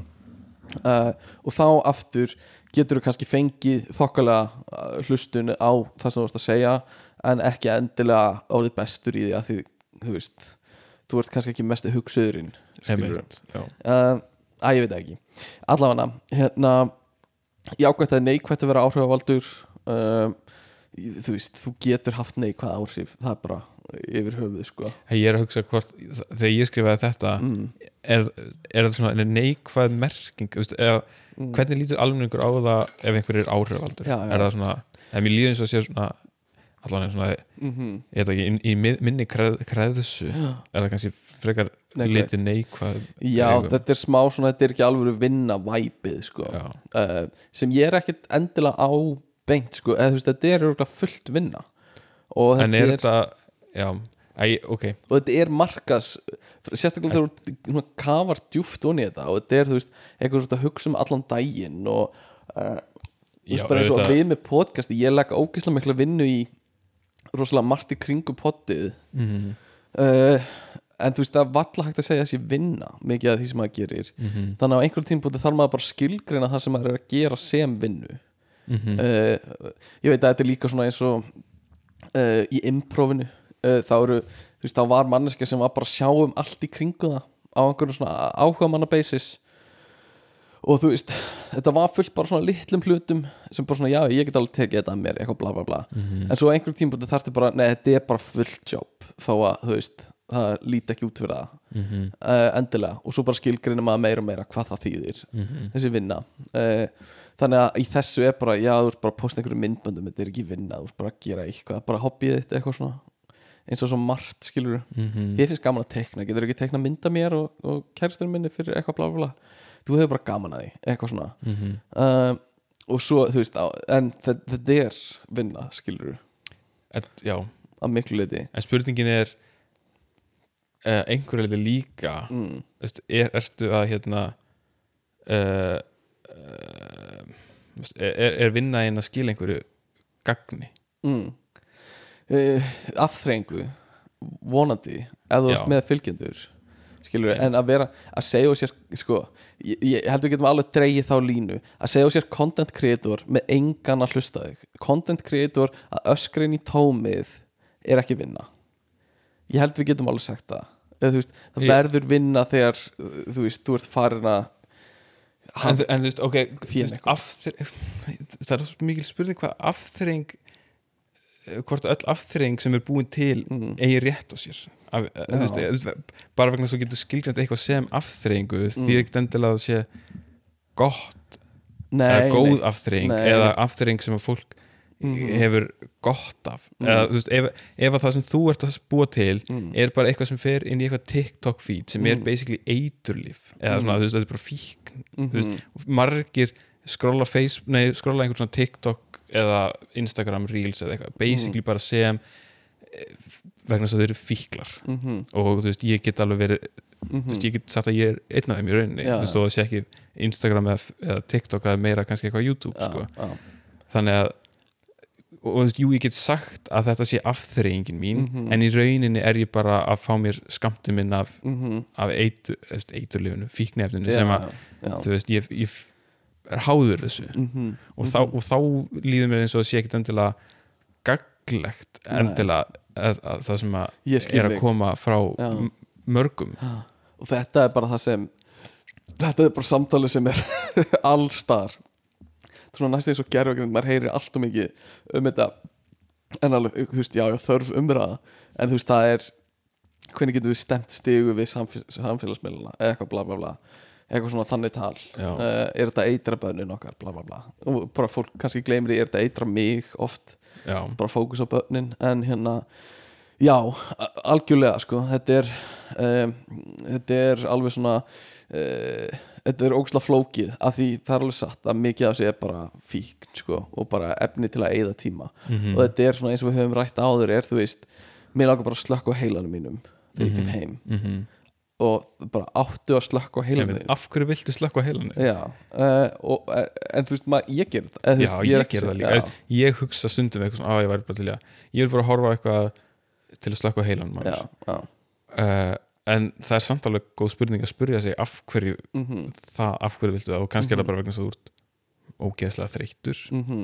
sem að, Mhm. ég meina, þá er það kannski bara valid. Eða þú ert orðin þreyttur á því að vera með hugsuninum og það er bara svona það er kannski eitthvað sem þú átt að mm rýna í sko. -hmm. bara svona, uh, já, ef þú getur ekki verið einn með hugsuninum, hvað er bak við það? Uh, uh, og ég er ekki að prýtsa ég er að segja bara að því ég get talað frá eigin reynslu, uh, að hérna, það er ekki endilega uh, frábært. Allavega hérna mm, hef, höfum við orðið fyrir áhrifum langar okkur að valda áhrifum?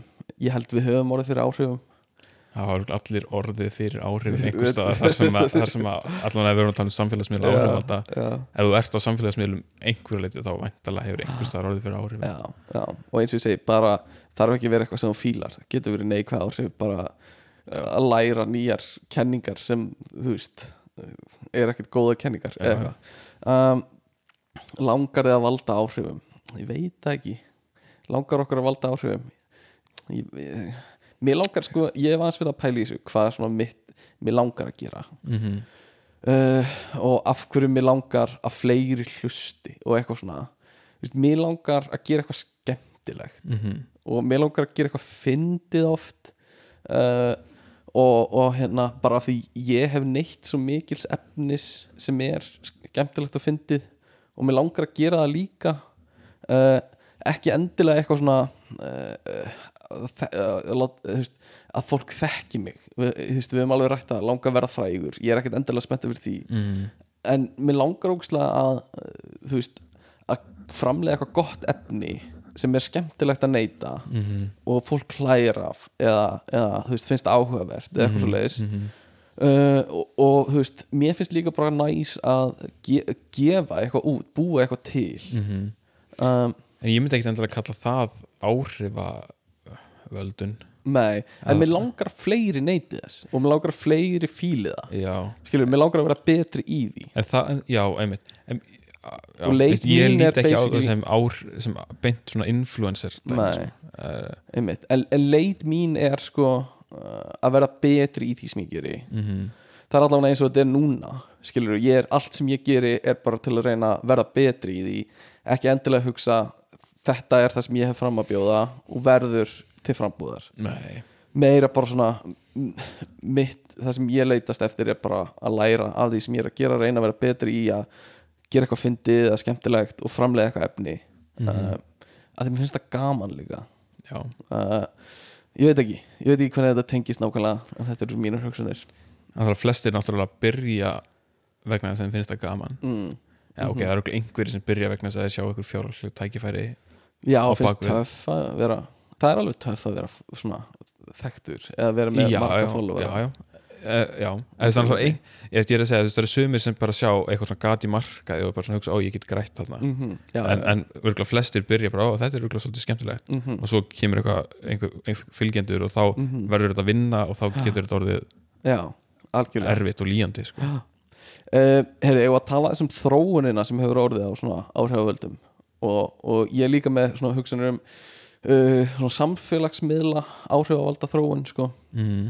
uh, en þú varst að tala um sko uh, svona þróun áhrifavalda á netinu að þetta var, voru bloggarar Mm, Mikið. Já, og þetta tengist rosa mikið því sem ég var að gera það í byrjuninu var Facebook í byrjuninu var Facebook upphafi í upphafinu var Facebook eða í upphafinu var, var orðið og orðið var Mark og Mark sagði Facebook og það var gott. Uh, verði Facebook. verði Facebook.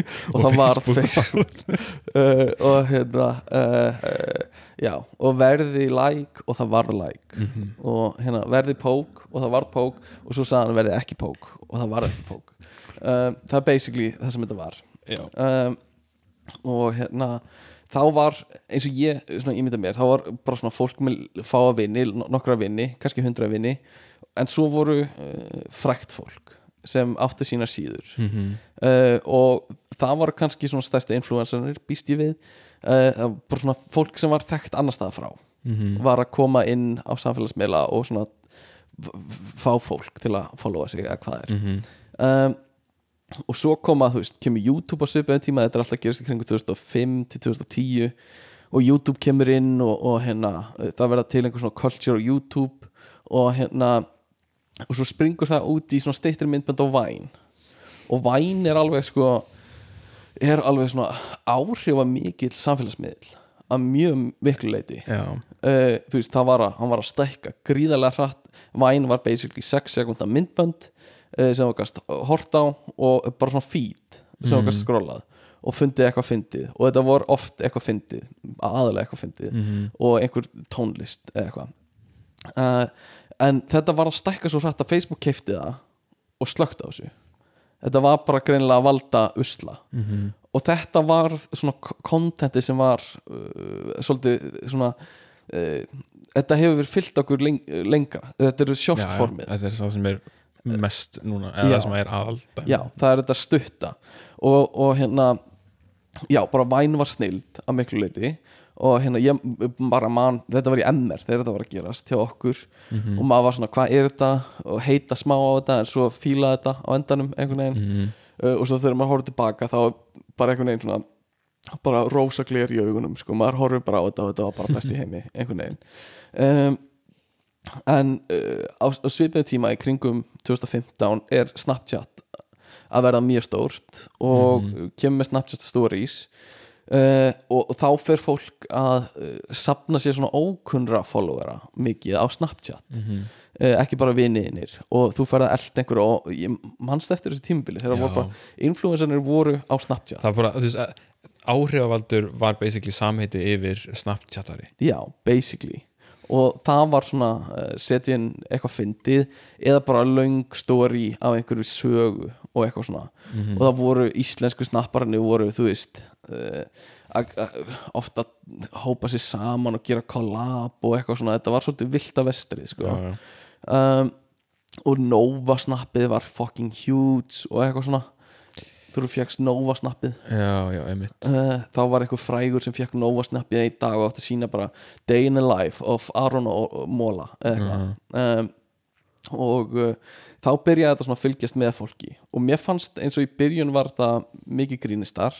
Mhm. einhver svona sniðugir sniðut fólk. Og svo fór þetta að þróast yfir í, í þú veist, kannski meiri svona uh, eitthvað svona beauty uh, in lifestyle dót eitthvað. Sigrun Diego, já, já þrýfa edik með edik og svo fór þetta í Instagram og Instagram bara stál konseptinu frá Snapchat og það voru allir með Instagram af einhverjum ástæðum. Instagram er bara það stelur öllum. Þú veist, þeir, eina sem þau hafa raunverulega gert er það að posta myndir, myndir, já, Í, að posta ferdingslega myndum Já. er basically það eina sem að eh, Instagram hefur fundið upp eða búið til sko.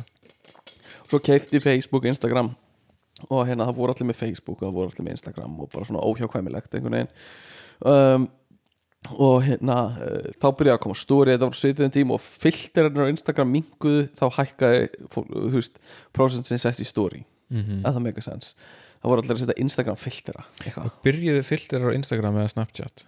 Instagram. Og ég er að tala um filtera á myndir Já, þú veist, já. eitthvað svona vintage og eitthvað svona. Og filtera á Snapchat uh, voru bara, svo, urðu svo bara eitthvað svona sheer thing já, bara einhver hundar sem sleiki út um og eitthvað. Um, og svo tekur, kemur musically inn í þetta sem er, þú veist, pælingin er lag og þú ert að dansa við það eða eitthvað svo leiðis og mæma. Og mæma. Uh, og það breytist svo í TikTok og þú veist, ég var lengi bara á eftir á, mjög eftir á TikTok og ég er, þú veist, ekki ennþá alveg on it, en þú veist bara svona reyna að fatta af hverju og svona hvað það var og eitthvað svona. Uh, af því ég hafði séð musically, mér fannst það, þú veist, það var bara cringe, cringy. en það kannski hluti af því að það var ógislega cringe var okkar aldur á þeim tíma kannski.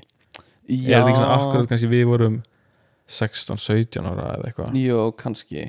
En þetta var líka bara cringe skilur, þetta voru bara Já. ungt fólk að gera sig að fíbli basically um, og svo kemur TikTok og ég held bara að þetta sé sama musically. Þú veist, þetta, þetta hljóma líka svona TikTok eða eitthvað svona tónlistardót eitthvað. Mhm. og það er, þú veist, það er G-likill eða eitthvað er logoð þeirra sem svona tónlistaták mm.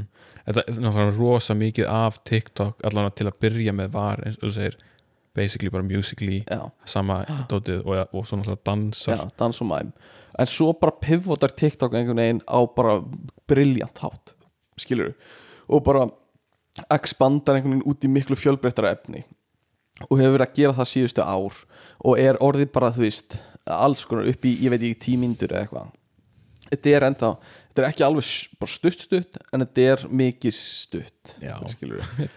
það er allt mjög svona snögglega klift Já. og og það er tempóið í þessu Já. að því þú ert að fletta bara hratt niður TikTokið og það er aldrei það er aldrei mikið af upplýsingum sem reynir koma fram í einu TikToki. Ég get ekki svara fyrir af því ég held að margir mörgum finnist það sko.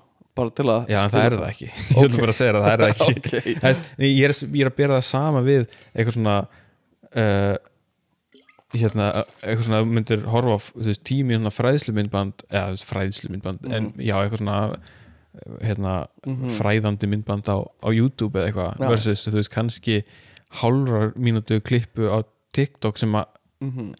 uh, veist, ég er ekki að segja að, að TikTok ég sé að reyna að covera sama efni ok, en það er samt mjög takmarkað af upplýsingum sem getur komið fyrir já, á hálfur mínútu pluss það að fólk veltir sér eða, það er, fólk er samt ekki að nota neitt tíma basically að melta efni sem er það, mm. það er að innbyrða já. Eða þú þú ert bara strax komið næsta. næsta já, mhm, uh, á meðan að kannski að ég veit ekki, ef þú horfir á eitthvað lengra mm. að, eða að, að þá ertu kannski að melta hlutina svolítið lengra á meðan þú ert Mhm. kannski að fá nýjar upplýsingar og setja það í Mhm. samingið það sem mhm. var áðan og eitthvað bla Ég held að hlustendur verða að skilja sko að við erum, þú veist, við tölum frá stað YouTube staðnum sko Já, við erum alveg á, við erum á launaskrá YouTube já, já, já, já, við fáum greitt fyrir að já, uh, tala vel um YouTube já þannig að hérna uh, þetta er ekki alveg fair kannski gagvart TikTok að því, mér langar ekki að segja það sökki bara, þú veist að því uh, fullt af fólki sem tala við mann, eða þú veist, segir bara er, ég er að læra svo mikið hana og eitthvað svona. já. uh, já, ég, ég er ekki á TikTok og ég, hérna, þurfum ekki að segja, það vita ég vil bara bæta við ég er ekki á TikTok. Ok, Eh, þannig að ég ætla ekki að hérna, já, ég efast ekki um að hérna, fólk læri eitthvað en mér líður samt eins og þetta sé ekki góður plattform til þess að læra eitthvað að viti. Næ uh, Ok, þú ert ekki að hugsa um að setja dómaran ámskeiðið þitt á TikTok í frjálsum? Ég held ekki, því að það væri þá bara eitthvað svona ég, þú veist, þú þú kannski lærir hérna, eina reglu í langstökkinu og svo skrólar eitthvað og kannski ef þú ert heppin að þá færðu Já, eina reglu í hástökkinu næst. Já, um mitt Það er ekki, ég held að þú geti prófað þetta sko og þá kannski hálf þjóðin allir en veit hvernig á dæma hálstökk eða eitthvað. Já, uh, er þetta góða punktur. En hérna, mm, já, og nú erum við svolítið að færast yfir í þetta post-TikTok tímabil Þetta er svona þegar TikTok er orðið mjög established Þetta er ekki lengur fringe samfélagsmiðl Þetta er, og ekki, ekki bara fringe, þú veist ekki bara það að fólk er á honum heldur bara, þú veist, hann er svona að finna einhvern veginn tempóið sitt mm -hmm. að því hann byrjaði sem tónlistamiðill og svo er hann að þróast og bla bla bla nú er hann orðin svona hann er orðin svona uh, household item sko, já. ef við getum orðað þannig núna er sko eldra fólk er farið að taka Já. þetta upp sko. Sem er ógeðslega áhugavert hvað gerist af því það er bara alltaf þannig já, að þegar eldra fólk er komið þá fer yngra fólkið. Já. þetta er bara með en það þarf að hafa einhvern annan stað til að fara á. Já, já. Og, og það er bara mjög áhugavert hvert það fer og er- verður kannski engin annar staður til að fara á. Uh, og mun það þá, þú veist uh, einhvern veginn samina þessi kultúr hjá unga fólkinu og eldra fólkinu eða hvað gerist? Eða verður það bara aðskildum, algjörlega aðskildum stöðum á TikTokinu? Uh, mögulega, mögulega mun að virka vegna út af því að algoritmin hjá TikTok er svo góður að þú veist, þú ert alltaf bara hjá þér, hjá þér Já, já, það alveg. verið. verður ekki þessi skörun Já, eins og á Facebook veist, þar sem að þú varst með mhm, þú veist, þar sem að þú neytist til þess að vera vinnur ömmuðinnar Já, og, og já, hérna, sýstur hennar og einmitt. að þá fekkst alltaf gamla fólks content sko líka og þá. Já. bara einmitt. hættir þú um, en já, nú eru sko áhrifavaldarnir líka komnir inn á TikTok og þau eru að framlega efni og eitthvað og hérna við vorum að fara yfir um, svona þekkta íslenska áhrifavalda. Við skoðum það kannski eftir smá en uh, fyrir það, áður en við skoðum það í sögulegu samhengi áhrifavaldar hafi verið fyllt okkur frá það öðru hafa alltaf verið til áhrifavaldar sko. til áhrifavaldar. Uh, en já, og þú veist, bara, bara þeir sem höfðu rödd sko. Í rauninni. Og hérna Jésu uh, var einhver svona hérna, uh, var einhver svona sértrúasafnaðar stjóri sko Mhm. uh, á sínum tíma sko og var með einhverja nokkra followers sko. Allir að læka allt sem hann hann gerði. var samt bara með 12 followers sko. Já, til að byrja með sko. Þetta sýnir bara hvað þú getur vaksið mikið sko. Um, Luther, ert þú að tala um uh, mótmælenda Luther Já. Já, hann er mikill áhrifavaldur. Hann, hann, hann var með eitt post Já, hann er hann með var eitt Já, fucking einblöðung Já. og, og, Bara og ég, öll þessi áhrif út af því.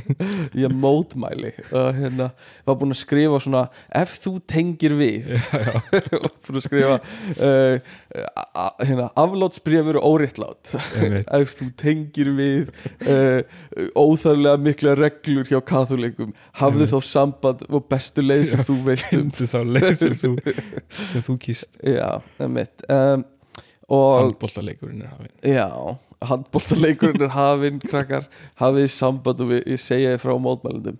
Um, og svo er við erum, já, sem sagt, tala um mótmælenda trú sem uh, Luther Mhm. uh, já, allavega. Uh, Martin Luther King er þú með uh, sem, Mhm. sem uh, hafði draum. Um, ströym og svo Rosa Parks sem neitaði að sitja aftast í strætónum já mhm mm sem er uh, baráttu manneskja fyrir uh, fyrir uh, litafólk í Já. þetta eru hvort vekja Já. um, basically just, allt þetta fólk mm, er, þetta eru hinn raunverulegu áhrifavaldar sem Mm. hafa orðið fyrir á eh, raunverulega hafi Já. haft áhrif sko. já. og, ég, og ég stundum velti fyrir mér sko, gæti maður sett stjórnmálamenn alla stjórnmálamenn þannig undir Mhm, en ég held að sé ekki endilega þú veist, sumir stjórnmálamenn þó þeir sé í svona Mhm. uh, æðstu stöðunum já, ha- hafa kannski ekki svona mikil áhrif endilega svona í sögulegu samingi eftir að þegar, þú lítur aftur í baksínspil Nei, og, þú verðast bara að vera svolítið svona uh, einhvern veginn partur af vélinni sko, þegar þú horfður tilbaka. Uh, og svo eru svona einstakar sem stinga hausnum sínum upp sem mann svona finnst þess að hafi haft meiri áhrif. Mm eins og já, til dæmis Martin Luther King og eitthvað.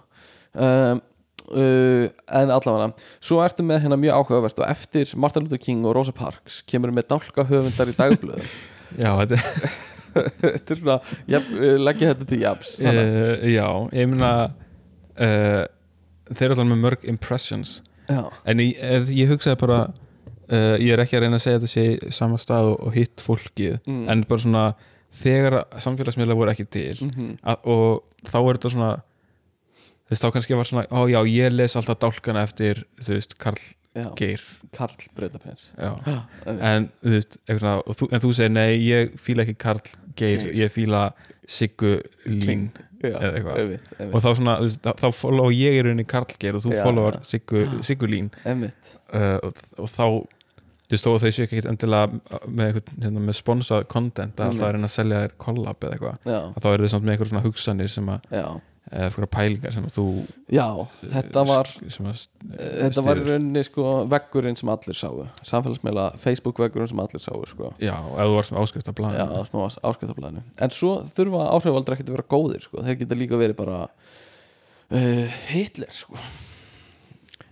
Er, er, er þetta staðin það sem ítum að stopp á upptökunni? þú bara aðeins Já, uh, byrjar að tala um Hitler á getur við stoppað Já. upptökuna. Nei, ég meina bara þú veist uh, Fólk sem hefur haft áhrif slæ, og slæm áhrif eru, Og það eru líka áhrif sko. já, uh, Og uh, já Og maður svona, Hitler er vondikallin sem dettur Bara mesti vondikallin mm bara svona í holdgerfing ílsku sko, einhvern veginn.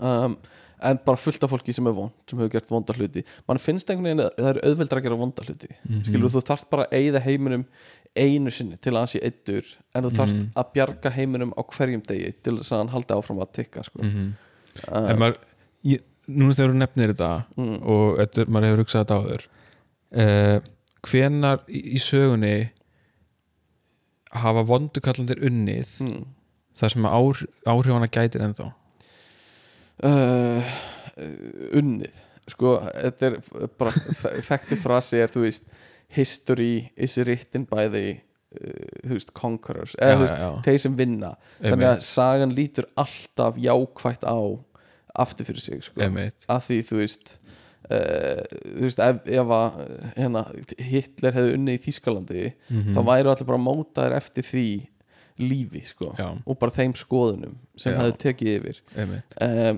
en hérna já, hvað, ég veit ekki Gengis Khan draf fullt af fólki og á fullt af börnum sem eru til í dag af því að hann svaf hjá tíðus manns eða eitthvað Mm ef við erum að tala um eitthvað svoleið sko. en, ok, ég er bara að hugsa upp á þetta en, þú veist, er það fólk þú veist, núna mm, er það á verri stað mm. heldur en ef Gengis Khan hefði ekki verið Já, þetta er bara, þú veist Við erum bara butterfly effect Við veitum ekkert Nei, hvað það, verið en sko. kannski einhvers staðar eins og Íslandi þar sem við rauninni höfum það mjög gott Mhm, og kannski almennt séð í Evrópu mhm, uh, og Bandaríkjunum. Mhm. uh, þar sem að já, þú veist, þegar, þegar þú hefur það gott að þá einhvern veginn uh, getur ekki einhvern veginn sagt að vondikallin sem vann hafi haft áhrif á þig einhvern veginn Uh, nei, ekki að þig En svo hugsa maður um alla sem eiga Um sárt að binda Vegna, vegna þess sko. maður gæti hugsa kannski bara um uh, ok, Trump hinn, hinn vondi kallin Hinn hálfgerðu hann, vann já, já. og kannski veist, mun hann vinna aftur Já. og hann haf, þú veist, hafði mjög slæm áhrif á mörgum stöðum Mhm. þar sem fólk í raunverulega hafði það Mhm. hefur það verra eða og ég, það er hægt að deila um það en það eru væntar út um allan heim mm.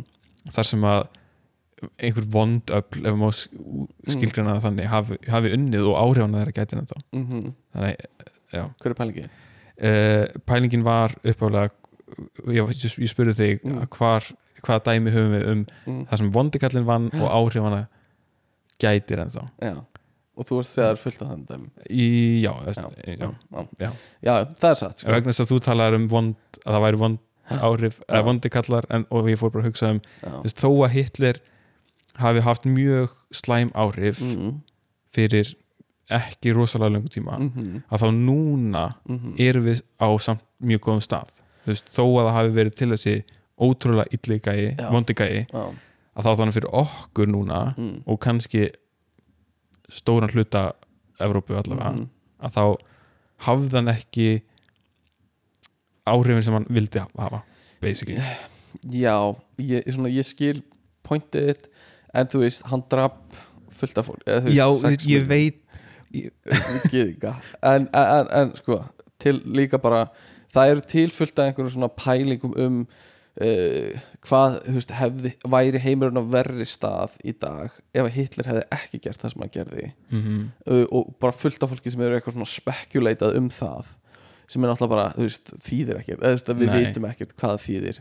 En þú veist, það er einhverjum sem vilja meina að, þú veist, hann hvatti til frekara samstarfs hjá Evrópu og, og hérna, uh, þú veist, hvað við lærðum Já, fólk svona á móti illa. saminast á móti hinn og illa og eitthvað svona þessum batt uh, þjóðir heimsins einhverjum böndum og eitthvað svona sem hafði góða áhrif, bla bla bla, bla, eitthvað svona -hmm. uh, en það bara, þetta er ekki hægt að fara svona vega, á, vega þetta á móti einhverju öðru sko, Nei. upp á móti hvort öðru sko. Nei, það er ekki hægt það er bara svo, þetta er líka svo hættuleg hugsun sko. ég er bara hrættur um einhver klippið þig núna einhver svona Ég- love Hitler ég, ég, er sko. ekki, uh, ég, ég er ekki að segja að þú veist að, að Hitler, að átt- Hitlers hafi í rauninni ekki það átti þessu allir en ég er bara að segja uh, þetta er líka partur af því sem maður er bara hrættur um að tala um þetta af því maður vill ekki hljó, Þú, hljóma þú heldur einhver klippu mig saman í að segja hafði Hitler einhver áhrif? Já, ég elska Hitler Já,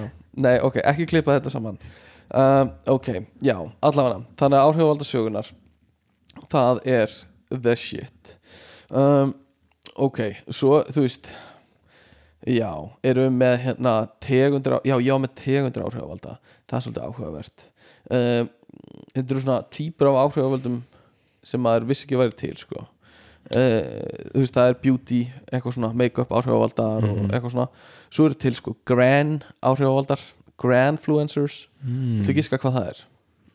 Er það þeir sem spila svona á grand pianos? Nei, það eru sko ömur og afar og svona eldra fólk áhrifavaldar og það er fullt fullt af einhverjum tróleðistóti sko sem eru bara ammast og afast út um allt sko það er svona kemur ekkert óvart hvað er mikið af mömmu influencers mm. er þetta er, er, er þetta ömmur sem er að segja öðrum ömmum hvernig á að vera ömmur? Eða þú veist meira svona- bara lífi, hvernig lífið er að vera amma er sko. mikið já, amma. já, eitthvað svona, og eldra, eldra fólk sko.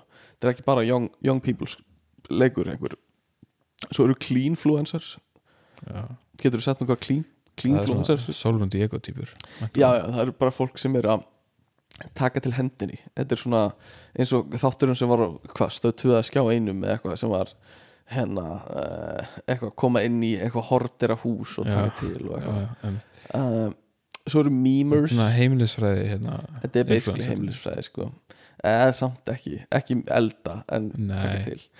Já, memers, það er til mikið af svona meme-akkántum uh, sem eru áhrifavaldar therapist niche influencers. Þannig að fólk fer svona að fylgja áhrifavöldum sem eru að tala inn í þeirra uh, svona geðheilbriði mm, og fylgja einhverjum sem eru að tala sérstaklega um þeirra niche af uh, sem þeir eru búin að sjálf greina sig með kannski Já, oft kannski eða sálfræðingurinn hefur sagt þú ert með já, já. þetta, þetta, þetta út af þessu, þessu og finnaði einhvern sem er þannig sko.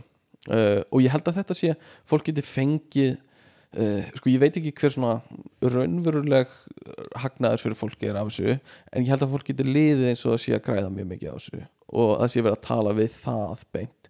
Og ég held að það gæti verið jákvætt sko að miklu leiti eða þú heyrir bara þínar uh, tilfinningar einhvern veginn valideraðar Mhm, fyrir fram að þig. Mhm, af því þú sér það fleiri að gangi í gegnum það sko. mhm. uh, en það svo hjálpar kannski sem hluti af stærri meðferð. Það gæti verið eða að einhvern veginn svona, svona þú fer að tengja við eitthvað sem þú kannski hefðir ekki tengt við eða þú veist fer að draga einhverja álíktanir sem, sem ég eiga ekki við þig, ég veit ekki ég held að þetta sé bara allt sem tengis svona geðheilsu held ég sé svolítið svona mm, það er hættulegt sko, eða svona Mhm. það er viðkvæmt er kannski réttur orð Mhm, mhm. uh, og uh, ef þú einhvern veginn fer of mikið að kafa inn í eitthvað ákveðið það er eitthvað svo auðvelt að vera með svona uh, æ, uh, ég veit ekki einhvers konar svona selection bias eða eitthvað þar sem að þú kannski horfir á hérna myndband sem er eitthvað svona topp tíu merki um að mamma einn sé að manipulata þig Mhm. eða eitthvað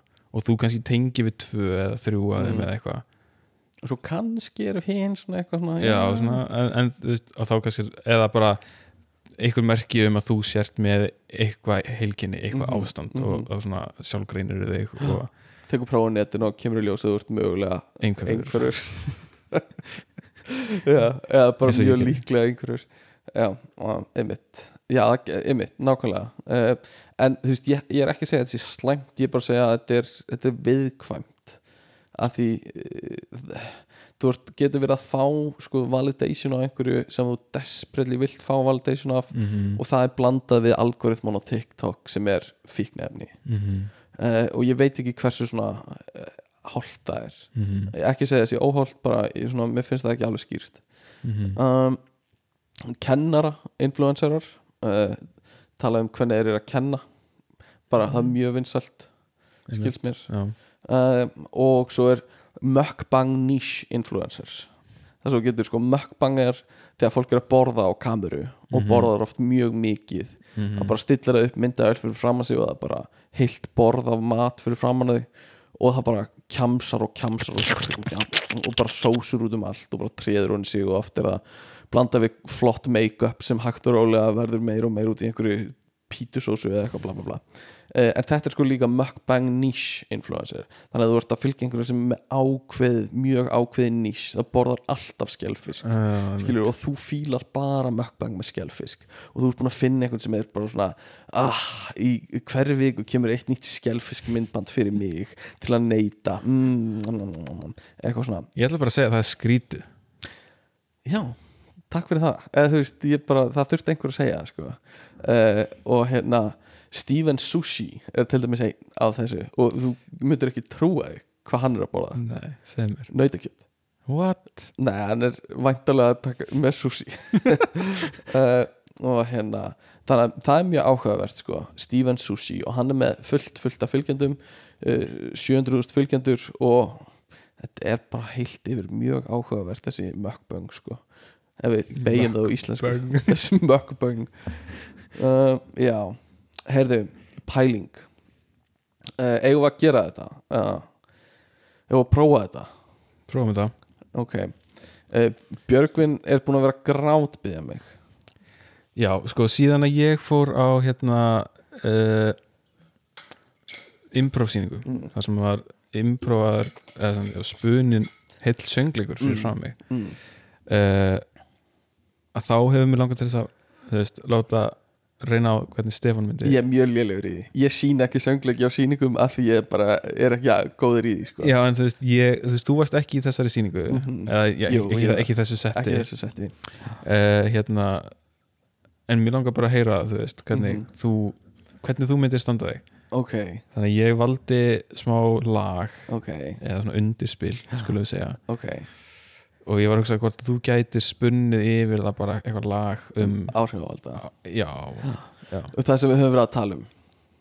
Já basically, Ok. eða, eða ekki það sem við erum að tala um bara, Bara hvað sem það má kemur. fara bara í hvað átt sem þú vilt uh, ég vona ok. bara að að hérna það lag eða þetta undirspil sem ég valdi mig eitthvað sens og Ok. það sé eitthvað hægt að fylgja því Ok, en og, annars, e- ef ekki þá getum við kannski fundið eitthvað annað sem er kannski svona meiri nei, ég bara, meiri struktúr. bara Við verðum að nota þetta uh, Og ég, bara ég segi ekki hika við að hoppa inn Ef að já, ég mun örgulega hika við að hoppa inn sko. og ég kannski kasta til þín uh, mikrofónum og þú bara hoppar inn sko. já, já, um, en hérna í þessari, í þessu undirspili það gæti verið í byrjunu kannski eitthvað svona intro. Mm -hmm, uh, eða eitthvað svona smá intro mm áður en að introða læginu rauninni byrjar -hmm. Ok, eitthvað svona vegna þess að þetta var í myndband á YouTube og Ok, var intro í ok, myndband sjáum bara hvernig það er uh, Ok, ég ætla að setja það í gang og sjáum bara hvað gerist. Að Því það hefur líka fólk hefur verið að tala um hvað þið finnst gaman að hlusta á okkur syngja í þáttunum. Já, þá er þetta gummi að Nei, ég ætla um þetta að segja það sko. Að Því Gummi og Aggi er þá með.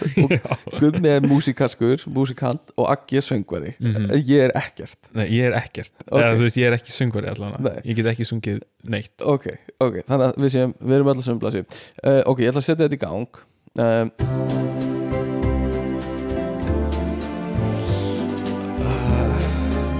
kannski er það að byrja Það er byrjað, er, það byrjað? Í dag þá lærum við um samfélagsmiðla. Það er ekki um neitt að byggja Því við lærum samfélagsmiðla. Við lærum hvernig á að vera áhrifa valdur Ekki skugga valdur Þetta er ekki hægt.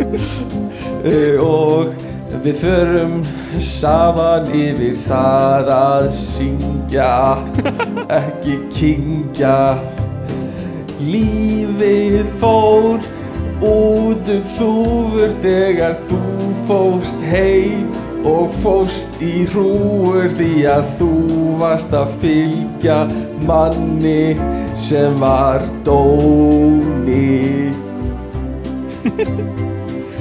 Samfélagsmiðlar og áhrifavalda Það er það sem við syngjum um. Ekkert annað kemur til greina Ég er því ekki alein Þetta er ekki Ok, stoppum hér. Þetta, hérna um, Þetta er ekki hægt, sko. Uh, Þetta er Þetta er skelfilegt og ég er að reyna að stoppa lagið hérna. Uh, uh, já, um veit Sko uh, Sko Ég er jafnvel á því að taka þetta út uh, sko, ég hérna já, í byrjun var þetta bara alveg monotónið sko. svona basically en svo hérna, í að- þegar leiða á þá fórstu svona aðeins kannski að reyna að fylgja hljómaganginum já, sko. já, já. uh, Sko, ég bara, ég skammast mín uh, Og hérna, uh, mér líður ógislega illa. Uh, En hérna Ég ætlaði líka að koma svo sterkur inn, sko. Um, Og hérna, en geðu þessu bara annars séns prófa þetta bara aftur. Bara sama lag. Við getum sko, ég, þetta er ógislega rólegt Eitthvað svona dramatíst Það er bara fínt, skilur veistu hvað lag þetta er? Þetta er I Did It My Way. Frank Sinatra Nefnum einhver svona bossa nova Nei, útsendingu hættu.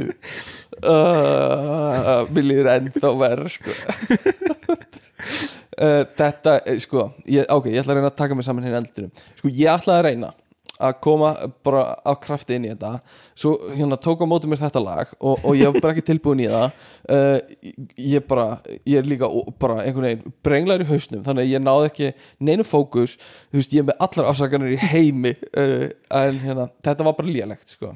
en, en ok, ég skal ekki senda þér að ég veit ekki hvort það sé gott en hérna, ætlar að senda mér annar lag? Senda þér hana ok, prófum það. Eh, já, ég veit ekki, kannski er þetta of, of mikið eitthvað. En hérna, þetta er bara, ég sendi þér bara hérna YouTube ok, link, hann er efstur hann í ok, hérna er nýja lagið prófum það. Og hérna uh, ok, hvernig hljómar það? ok, það er aðeins öðruvísi. Þetta er annað vibe. Já, um, þetta er ekki bossa nova allána ok, here we go. Erum að tala um áhrif erum að tala um valda. Hver í fokkanum er valdi hann býr í tjaldi. Kottum með mér inn í ævindýra heim Þar sem við getum farið saman út í geim Allir saman koma, finna fyrir bassanum. Allir er að þrýfa sig og allir er að tala um að fara saman Og taka myndbönd af mér Að vera að gera ekkert saman Og allir eru hér með mér Að gera ekkert en taka samt upp myndband af sér. Vera að gera ekki neitt Því að ég er áhrifavaldur Númer 1, 2, 3, 4, 5 Allir eru dimalim, syngja saman Og svo kemur droppi núna. Vá.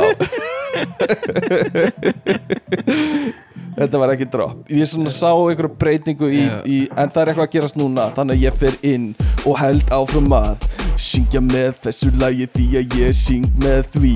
Og síðan posta ég á Instagram Og fæ like, like, like Full yfir mig af likeum Kommentum Allir er að deila mér, ég er orðin frægur hér. Allir eru saman, ekki nema ég Því að ég er grátandi heima hjá mér. Yeah, yeah. Ég er grátandi heima hjá mér Yeah, yeah, yeah. Grátandi, grátandi, grátandi Ei, heima. Allir eru eitthvað að jamma. Ég er bara heima og kann ekki neitt að búa til umur Sem að ég bjó til með mömmu minni þegar ég var lítill strákur. Ég vildi bara fá minningu að aftan þegar ég var lítill strákur Og ég átti ekki að kvarta yfir neinu. Ein, ein strákur, ein, ein, ein Ok, stopp með þetta hér það tók mjög svona dark turn í lokin. Uh, uh, Sko. Ég held að einhverja svona raunverulega tilfinningar að fara að komast þannig upp á yfirborðið. Uh, Sko ég var alltaf að reyna að koma sér aftur inn á uh, Svona influencer samfélagsmiðladót. Já, Og svo fór, þú veist, kom eitthvað Bara sagði maður eitthvað orðið svo lummur Og þá þurfti bara að fara eitthvað annað uh, Allavega. Um, Þannig að þetta var sko uh, Rappið um, um samfélagsmið Influencera Já. um, en endilega hafa bara bæði sko, Á á ég hafa bæði bara bæði.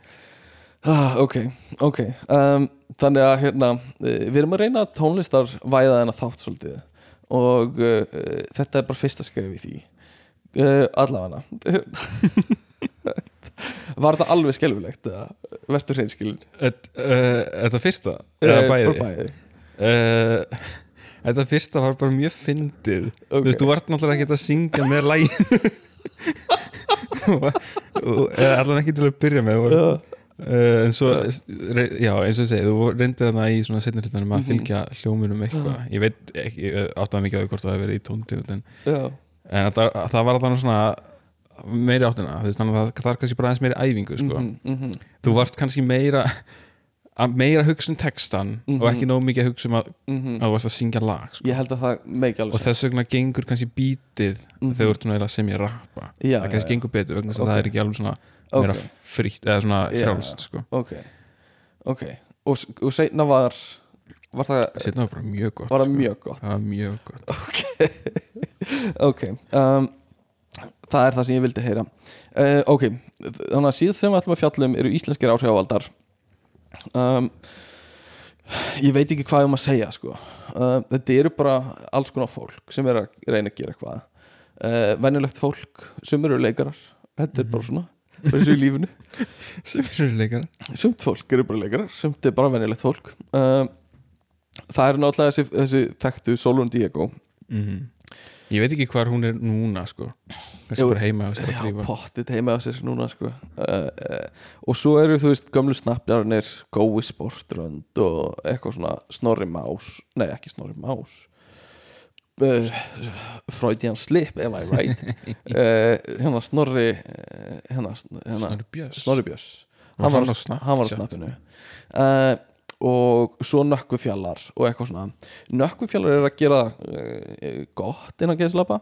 Er það? Nei, ég held ekki. Hann er með eitthvað svona lifestyle dót sko. já, veistu, ég skal segja allt um nakkafjallar uh, ég fylgist með hann um nefnilega. Já, eða sko uh, Una, kærasta mín hún, uh, stund, eða þegar við vorum hérna saman út í Hollandi þá enduðum við stundum daginn á því að kíkja aðeins á, á TikTok og Mhm. eitthvað svona. Já. og við fylgdumst með þremur íslenskum influencerum Ok. sem við kíktum alltaf á. Já. það var nökkufjallar og svo hérna einhver gæði sem heitir, eða kallar sig Alex from Iceland. Sorry, ég er bara að hugsa um hvað þetta var lélegt Lægið sem ég var að syngja. Ekki, Ah, hætt að hugsa um það. Ok, uh, já, nökkufjallar Alex from Iceland sem er einhver, já, og svo ein- einhver stelpa sem býr held ég á Akureyri eða eitthvað, sem gerir bara svona mjög hverstagslega myndbönd Já. allavega nökkufjallar Mm. uh, ha- hérna hann gerir svona mi- motivational content sko. Mhm. þar sem hann er alltaf með, já, hérna alltaf með einhver That's svona the message, message, já. hérna, that's it, that's the message og þú veist, er, er með einhver svona frasa Já. sem hann er rosa mikið og alltaf að sína einhver svona morgunrútínu þar sem hann drekka saltvatni sitt og Já, svona, já, og vakna stemma vakna rosa snemma og svona how to be more protective eitthvað, How to be more protective of your girlfriend. Five steps. How to be a better detective. Já. Já. Bring your spyglass everywhere. Já, mm uh, allavega, allavega. Hann er uh, æ, hann er bara mjög fyndin eða þú veist, en ásótið svona hátt. er Já. hann íroníst fyndin? eða þú veist, hann er ég ætla bara að segja mér finnst hann mjög asnalegur. Já, já, já. En þú veist, það er ekkert nýtt að heita á nökkvafjallar, þannig ég ætla ekkert að gera, það. of mikið. Nei, nei, nei uh, nema, hann núna síðan sem hann postaði, Mm. hann farin í sko samfélagsmiðla pásu Já, já. í 90 daga. Og rungpás já, og nefnilega, no fap sko. Já, og það er víst eitthvað trend. Það er trend sko. Eh, Sérstaklega hjá svona kalla influencer já, emitt, Já. sem að ég bara það getur ekki meika sens þetta, þetta er bara eitthvað bull. Já, ég hérna mm, Ég veit ekki, ég hef ekki kynnt mér þetta nógu vel sem stefnu sko Þetta er eitthvað á að jafna orkuna þína og, og hérna gera það svona graðar, eða svona aggressívar yfir daginn í að elda draumana þína og eitthvað svona held ég og fókusa þig og eitthvað svona um, eins og ég skil það þetta, og ok, hreinsa hugan frá ef þú ert að neyta kláms skilur sem er já, alveg ég meina kannski að þú ert með skilurðu. rungfíkn já, eða eitthvað já, já. þá kannski meikar það sens já. en það er held ég bara frekar algengt sko. Svona rungfing hjá ungu fólki. Allan ungum strákum. Eða ég veit það ekki. Er, já, meina, já, en allavega burt sér frá því. Já uh, þannig að ég er bara að segja, næ, nýjasta frá honum þú veist, hann kemur ekki aftur fyrir í apríl. Mhm. uh, fullur af þessu stjórnni og sæði. Já, með þunga fucking punga þungan pung með þunga fucking punga ég fyrir over á, okkur sagði þetta ég ekki veit það ekki, ég hugsa þetta núna þetta er golden setning. Ég fyrir í nofap, ekki bara í november með þunga fucking punga kem aftur í apríl, eitthvað svona. Já, veistu, það er kjörið. Þetta er kjörið. Allavega. Mm uh, en rosa mikið frá honum er svona já, allt bara til að vera meira produktiv í vinnunni. Já, já. Það er allt snýst bara um það ég velti fyrir mér hversu mikið hann sko uh, practices what he preaches. Uh, og, og bara, líka bara generalt yfir áhrifavalda. Já, hversu Já. mikið þeir stunda actually það sem þeir eru að gera sko, að segja Mhm, fólki að gera. Mhm. um, eins og allar þessar morgunrútínur mm hvort að fólk sé raunverulega -hmm. að fylgja þeim. Svo er hann alltaf með eitthvað night basket. Hann, hann er með eitthvað fullt af hlutum í einhverju night basket. Hann segir aldrei hvað hann gerir við þessu ég veit ekki eins og hvað það er sko. bara einhver svona nuttrúla og dagbók og eitthvað svona Dot. já, já, þetta er, þetta er fata sem er full af dóti. Já, þetta, er ekki eitthvað koncept þetta er basically bara einhver karfa oh. með dóti sem að hann notar í kvöldrútínuna og ég held að vera mögulega eitthvað svona svo setja ég allar vondu hugsanir mínar í nightbasketið og, uh, loka fyrir. og loka fyrir og ekkert af vondu hugsanir mínar getur tröfla söfnum eitthvað svona. Nei, nei, nei, ok.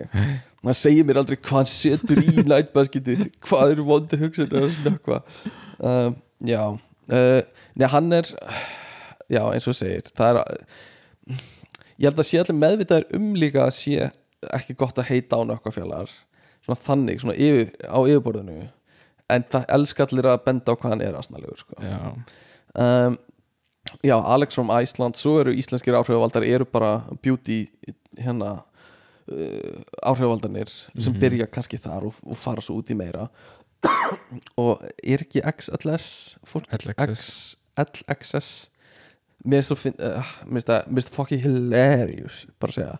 Að XS er sko ofgnótt af einhverju á ennsku og XS. nafnið þeirra er basically LXS uh, large access Já, bara eins og séu gjörsamlega sko já, bara neyslu hyggjan og allt fyrir út, Einmitt. út það fyrir, er svolítið fyndið, ég hafði ekki pælt í sko. Mhm. en hérna það er alltaf það sem ég heyri excess, bara, já, já, já. þeir eru of mikið já, bara við hérna um, það er það sem þeir gera. Um, en það stendur fyrir luxus og hérna uh, og lux eins og bara ég fekk svo mikið heit fyrir að ruggla saman einhverju lux og luxus og kalla eitthvað lux sem var ekki luxus og eitthvað um, come at me haters. Um, ég held að það verði margir heitir eftir hennar þátt, sko, á mig sérstaklega. Ég held bara satt best að segja ég veit ekki hversu margir endast í gegn. Hversu margir heldur að hafi heyrt lægið sem þú söngst? Ekki margir sko. Uh, og ég held bara af því við erum báðir þetta er svona, þetta er svona late night upptökur þannig að við erum svona aðeins svona meira niðri kannski núna heldur um stundum. Og þetta er alveg við erum að fara í við erum að analysa eitthvað sem fólk nennir ekkert að heyra analýsingu á eða mega það sens já, já, Nei, ég meina það er bara fólk er farið bara á TikTok, sko. Mm, mm, ekki segja þetta. Þetta er eins og að að gera líður á hlustundum hlustundur okkar eru farnir að stunda námi sitt já, við virta háskóla akkurat, já. Það er- um, ok, LXS uh, þær eru frábærar. Uh, þær eru bara að gera sitt. Mér finnst þær uh, að ég veit ekki. Mér finnst allt bara svona öll framtaksemi og jafnvel það sem þær eru að gera bara frábært sko. Mhm.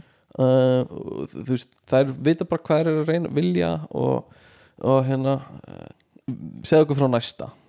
Sko, takt okkur í gegnum vinnarlista já. Gústi B. Mm, Gústi Björn, Beinteinn.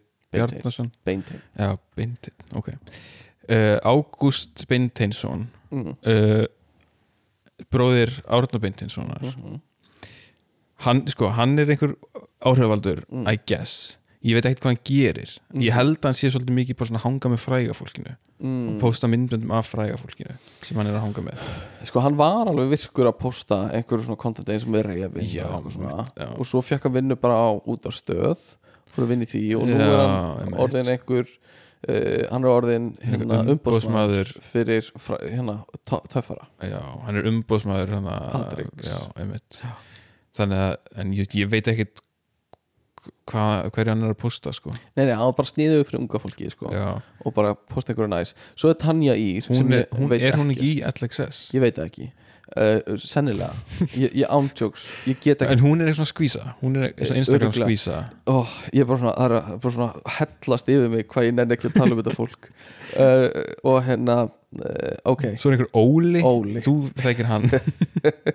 Uh, ég, ég veit ekki hvað hann heitir meira. Hann heitir Óli og er hérna uh, einn af vinsalugörunum hann er að taka myndbönd út á götu af einhverju fólki já, hvernig er uppáhalds pick-up lína sem þú notar eða hvað er það Mm. romantíska sem einhver, einhver hefur gert fyrir þig og Mhm. hérna uh, eitthvað svona og, er með mæk og er að fara í kringluna eða fara út á götu og svo er hann að fara til New York og tekið vindbönd við við og, hérna, útlendinga og eitthvað svona Mhm. útlendingar og hérna en þa það er sem ég er að segja sko, Mm. hann er greinilega vinsæll ok, hann gerir örgulega meira en þetta mm, en veist, þetta er ekki mjög frumlegt veist, það er ekki mikið uh, þú veist hérna, þetta er ekki mikil gæði í þessu nei, en þetta er íslenskt og hann, hann hitt á markaðin það var ekkert mikið íslensku fólki að gera þetta Nei. þetta er svona eins og þegar Cozy YouTube síðan kom mm. sem var basically eitthvað svona mm, láta fólk leysa einhverja þrautir inn á einhverju einhverju stúdíu eða, eða ta- veist, hitta fyrirvændi kæristunum sína og spyrja einhverju spurninga eða eitthvað svona bla bla bla Mhm. allt gerist inn í stúdíu, allt er svona pródúserað og eitthvað svona, þú veist, það var ekki búin að gera það á Íslandi Mhm. og svo var það bara tekið og gert á Íslandi hann er bara að taka svona content sem er gert í útlöndum, Mhm. taka það yfir á Ísland Mhm. bara mjög basic og það bara virkar Mhm. að þetta er á En Ísland það, það það er það sem ég er að segja að, veist, Ég er ekki að segja að það sé eitthvað svona vond að hann sé að gera það heldur Mm. bara vegna sem við vorum að pæla í hvort þetta sé eitthvað sem getur við orðið influencers mm og þú veist, þetta er veist, þetta er bara eitt mikrofón -hmm. og símiðinn Mhm. og þú ert að spyrja einhverja mjög basic spurningar -hmm. en svo þarfst að geta þú veist, edita niður og eitthvað svona með tempóið í myndbandinu hún læri hægt og rólega já, já. uh, en já, algjörlega uh, Óli er líka með Giflar Æsland. Ég held að hann sé bara að gera sama content. Nema í giflar peysu. Nema bara í giflarpeysi með giflar og, og er að gifla út um allt. Að gefa snúða og eitthvað. Um, svo er Willi Netto hann er æðislegur, hann er bara fyndin hann er bara með einhverja svona sketsa basically. Já, basically. Og er bara skemmt, það elsk það hatar enginn Villa. Basically, allar enginn sem ég þekki. Hann er bara nice já, bara, og bara fyndin gaur. Hann er bara líka legit fyndin í myndbandunum sínum já, já. það er bara sko, komedían virkar hjá honum og það er bara hægara sagt en gert að láta komedían virka. Uh, þú veist, þú getur gert sketsa og einhverju hitta og sumir eru bara þú veist, bara finn, það sem á að vera fyndi er ekki það sem er fyndi Mm -hmm. hann líka bara þú veist, hann leik þegar hann er að leika einhvern annan karakter en sjálfan sig þá er hann annar karakter. Mm þú veist, maður sér oft eh, eitthvað sem á að vera að fyndi einhver er að leika einhvern karakter en er Mhm. samt bara sama Já, já, röddin, já. sama manneskjan, Já. allt eins en hann alveg Já, hann er góður í því sko. Uh, og svo síðast er Gummi Emil sem er svona uh, sterahaus uh, sem hérna er svolítið að, að hérna mm, reyna að gera eitthvað svona líkastræktar content uh, vill ekki óborðir keks og, og hérna eitthvað svona er ekki óvinnur þinn. basically erkjónum minn. Það er vákaða góðu punktur. Ég hef ekkert að móta þessum gaur þannig séð sko. Nema þú veist þegar þú segir það hann er erkjónum minn þú veist við erum báðir við erum, ef við verum ofurhetjur skilur við þá værum við með sömu ofurkraftana eins og er oft í ofurhetjumyndum mm -hmm. nema annar okkar er góður og hinn er vondur skilur við Mm og hérna þú veist við erum báðir uh, liftingamenn eða þú veist hann liftir á vondaháttin skilur við styrum og í líka stöðum eins og world class en ég er, þú veist ég fylgir reglanum og er keppnismæður skilur mm, mm. uh, og uh, nei, ég er að grínast en hérna, hann er hann er svona yktur skilur, hann er eitthvað svona farðu út að labba, bera ofan í tíu gráðu frosti í klukkutíma eitthvað svona og svo sýnir Mhm. hann sig gera það og, og hérna á einhverju myndbandi, hann með sko frasan vikingar vaknið svolítið núna vikingar Mhm. og valkyrju vaknið þetta er eitthvað, eitthvað svona sem hann er að vinna með þessa Já. dagana um, þetta er svona catchphrase hjá honum uh, og ég, hann var búinn að skrifa á eitt myndbandi sitt. Ég bara skrifaði það niður sem ég fannst, ég bara svona bæði skilða ekki, mér finnst það æðislegt og, fáralegt á saman tíma. En hann segir kuldin kveikir ljós innra með okkur. Ljós sem er sterkara en sólin. Vikingar vakna. Við höfum verk að vinna. Þetta á að vera svona innblástur mm Mhm. skilur við Mm uh, en þetta veist, þetta er svona það er gaman að fylgjast með honum að því hann er kjáni og það sem ég held er að hann er klárari en contentið hans veist, ég held að hann vita alveg hvað hann er að gera mm. uh, og, og bara viljandi er að spila inn í það já, uh, já, líklegt sko Já. Uh, Hvað, hvað verk er þetta sem við þurfum að gera?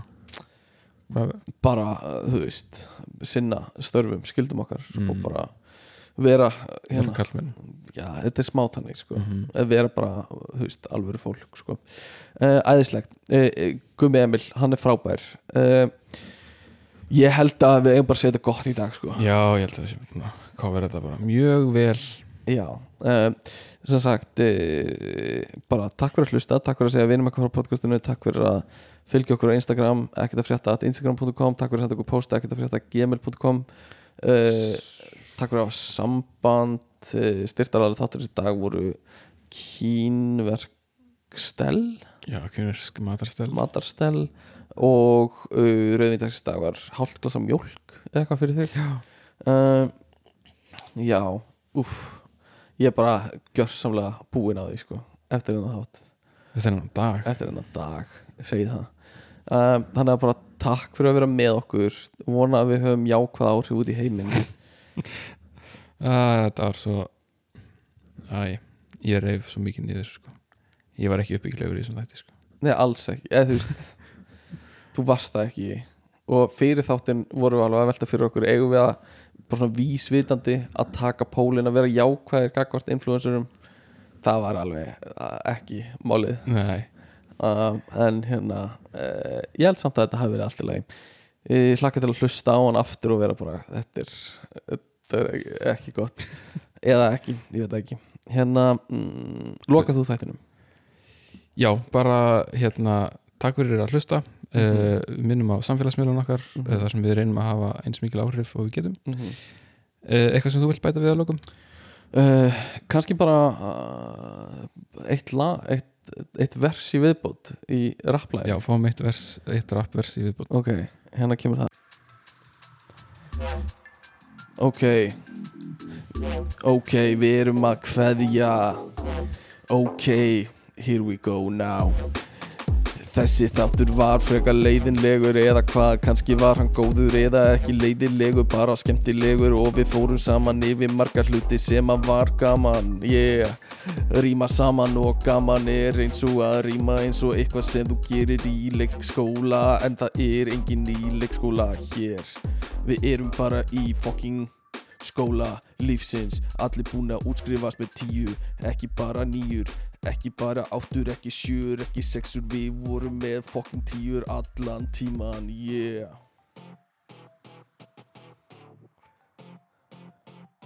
Yeah. Yeah, yeah, yeah, yeah, ok, bring it back now. Við förum saman út í bíl, við keirum upp í sveit og það eru allir að drekka fokkin mjólk Beint af fokking beljunni, beint af spenanum, engin að fokkin gera sneiða neitt. Við drekkum allt sem er heitt, allt sem er heitt. Það er til dæmis te, kaffi, líka gara, eitthvað sem er heitt. Eins og mjólk sem hefur staðið úti. Yeah, takk fyrir þáttinn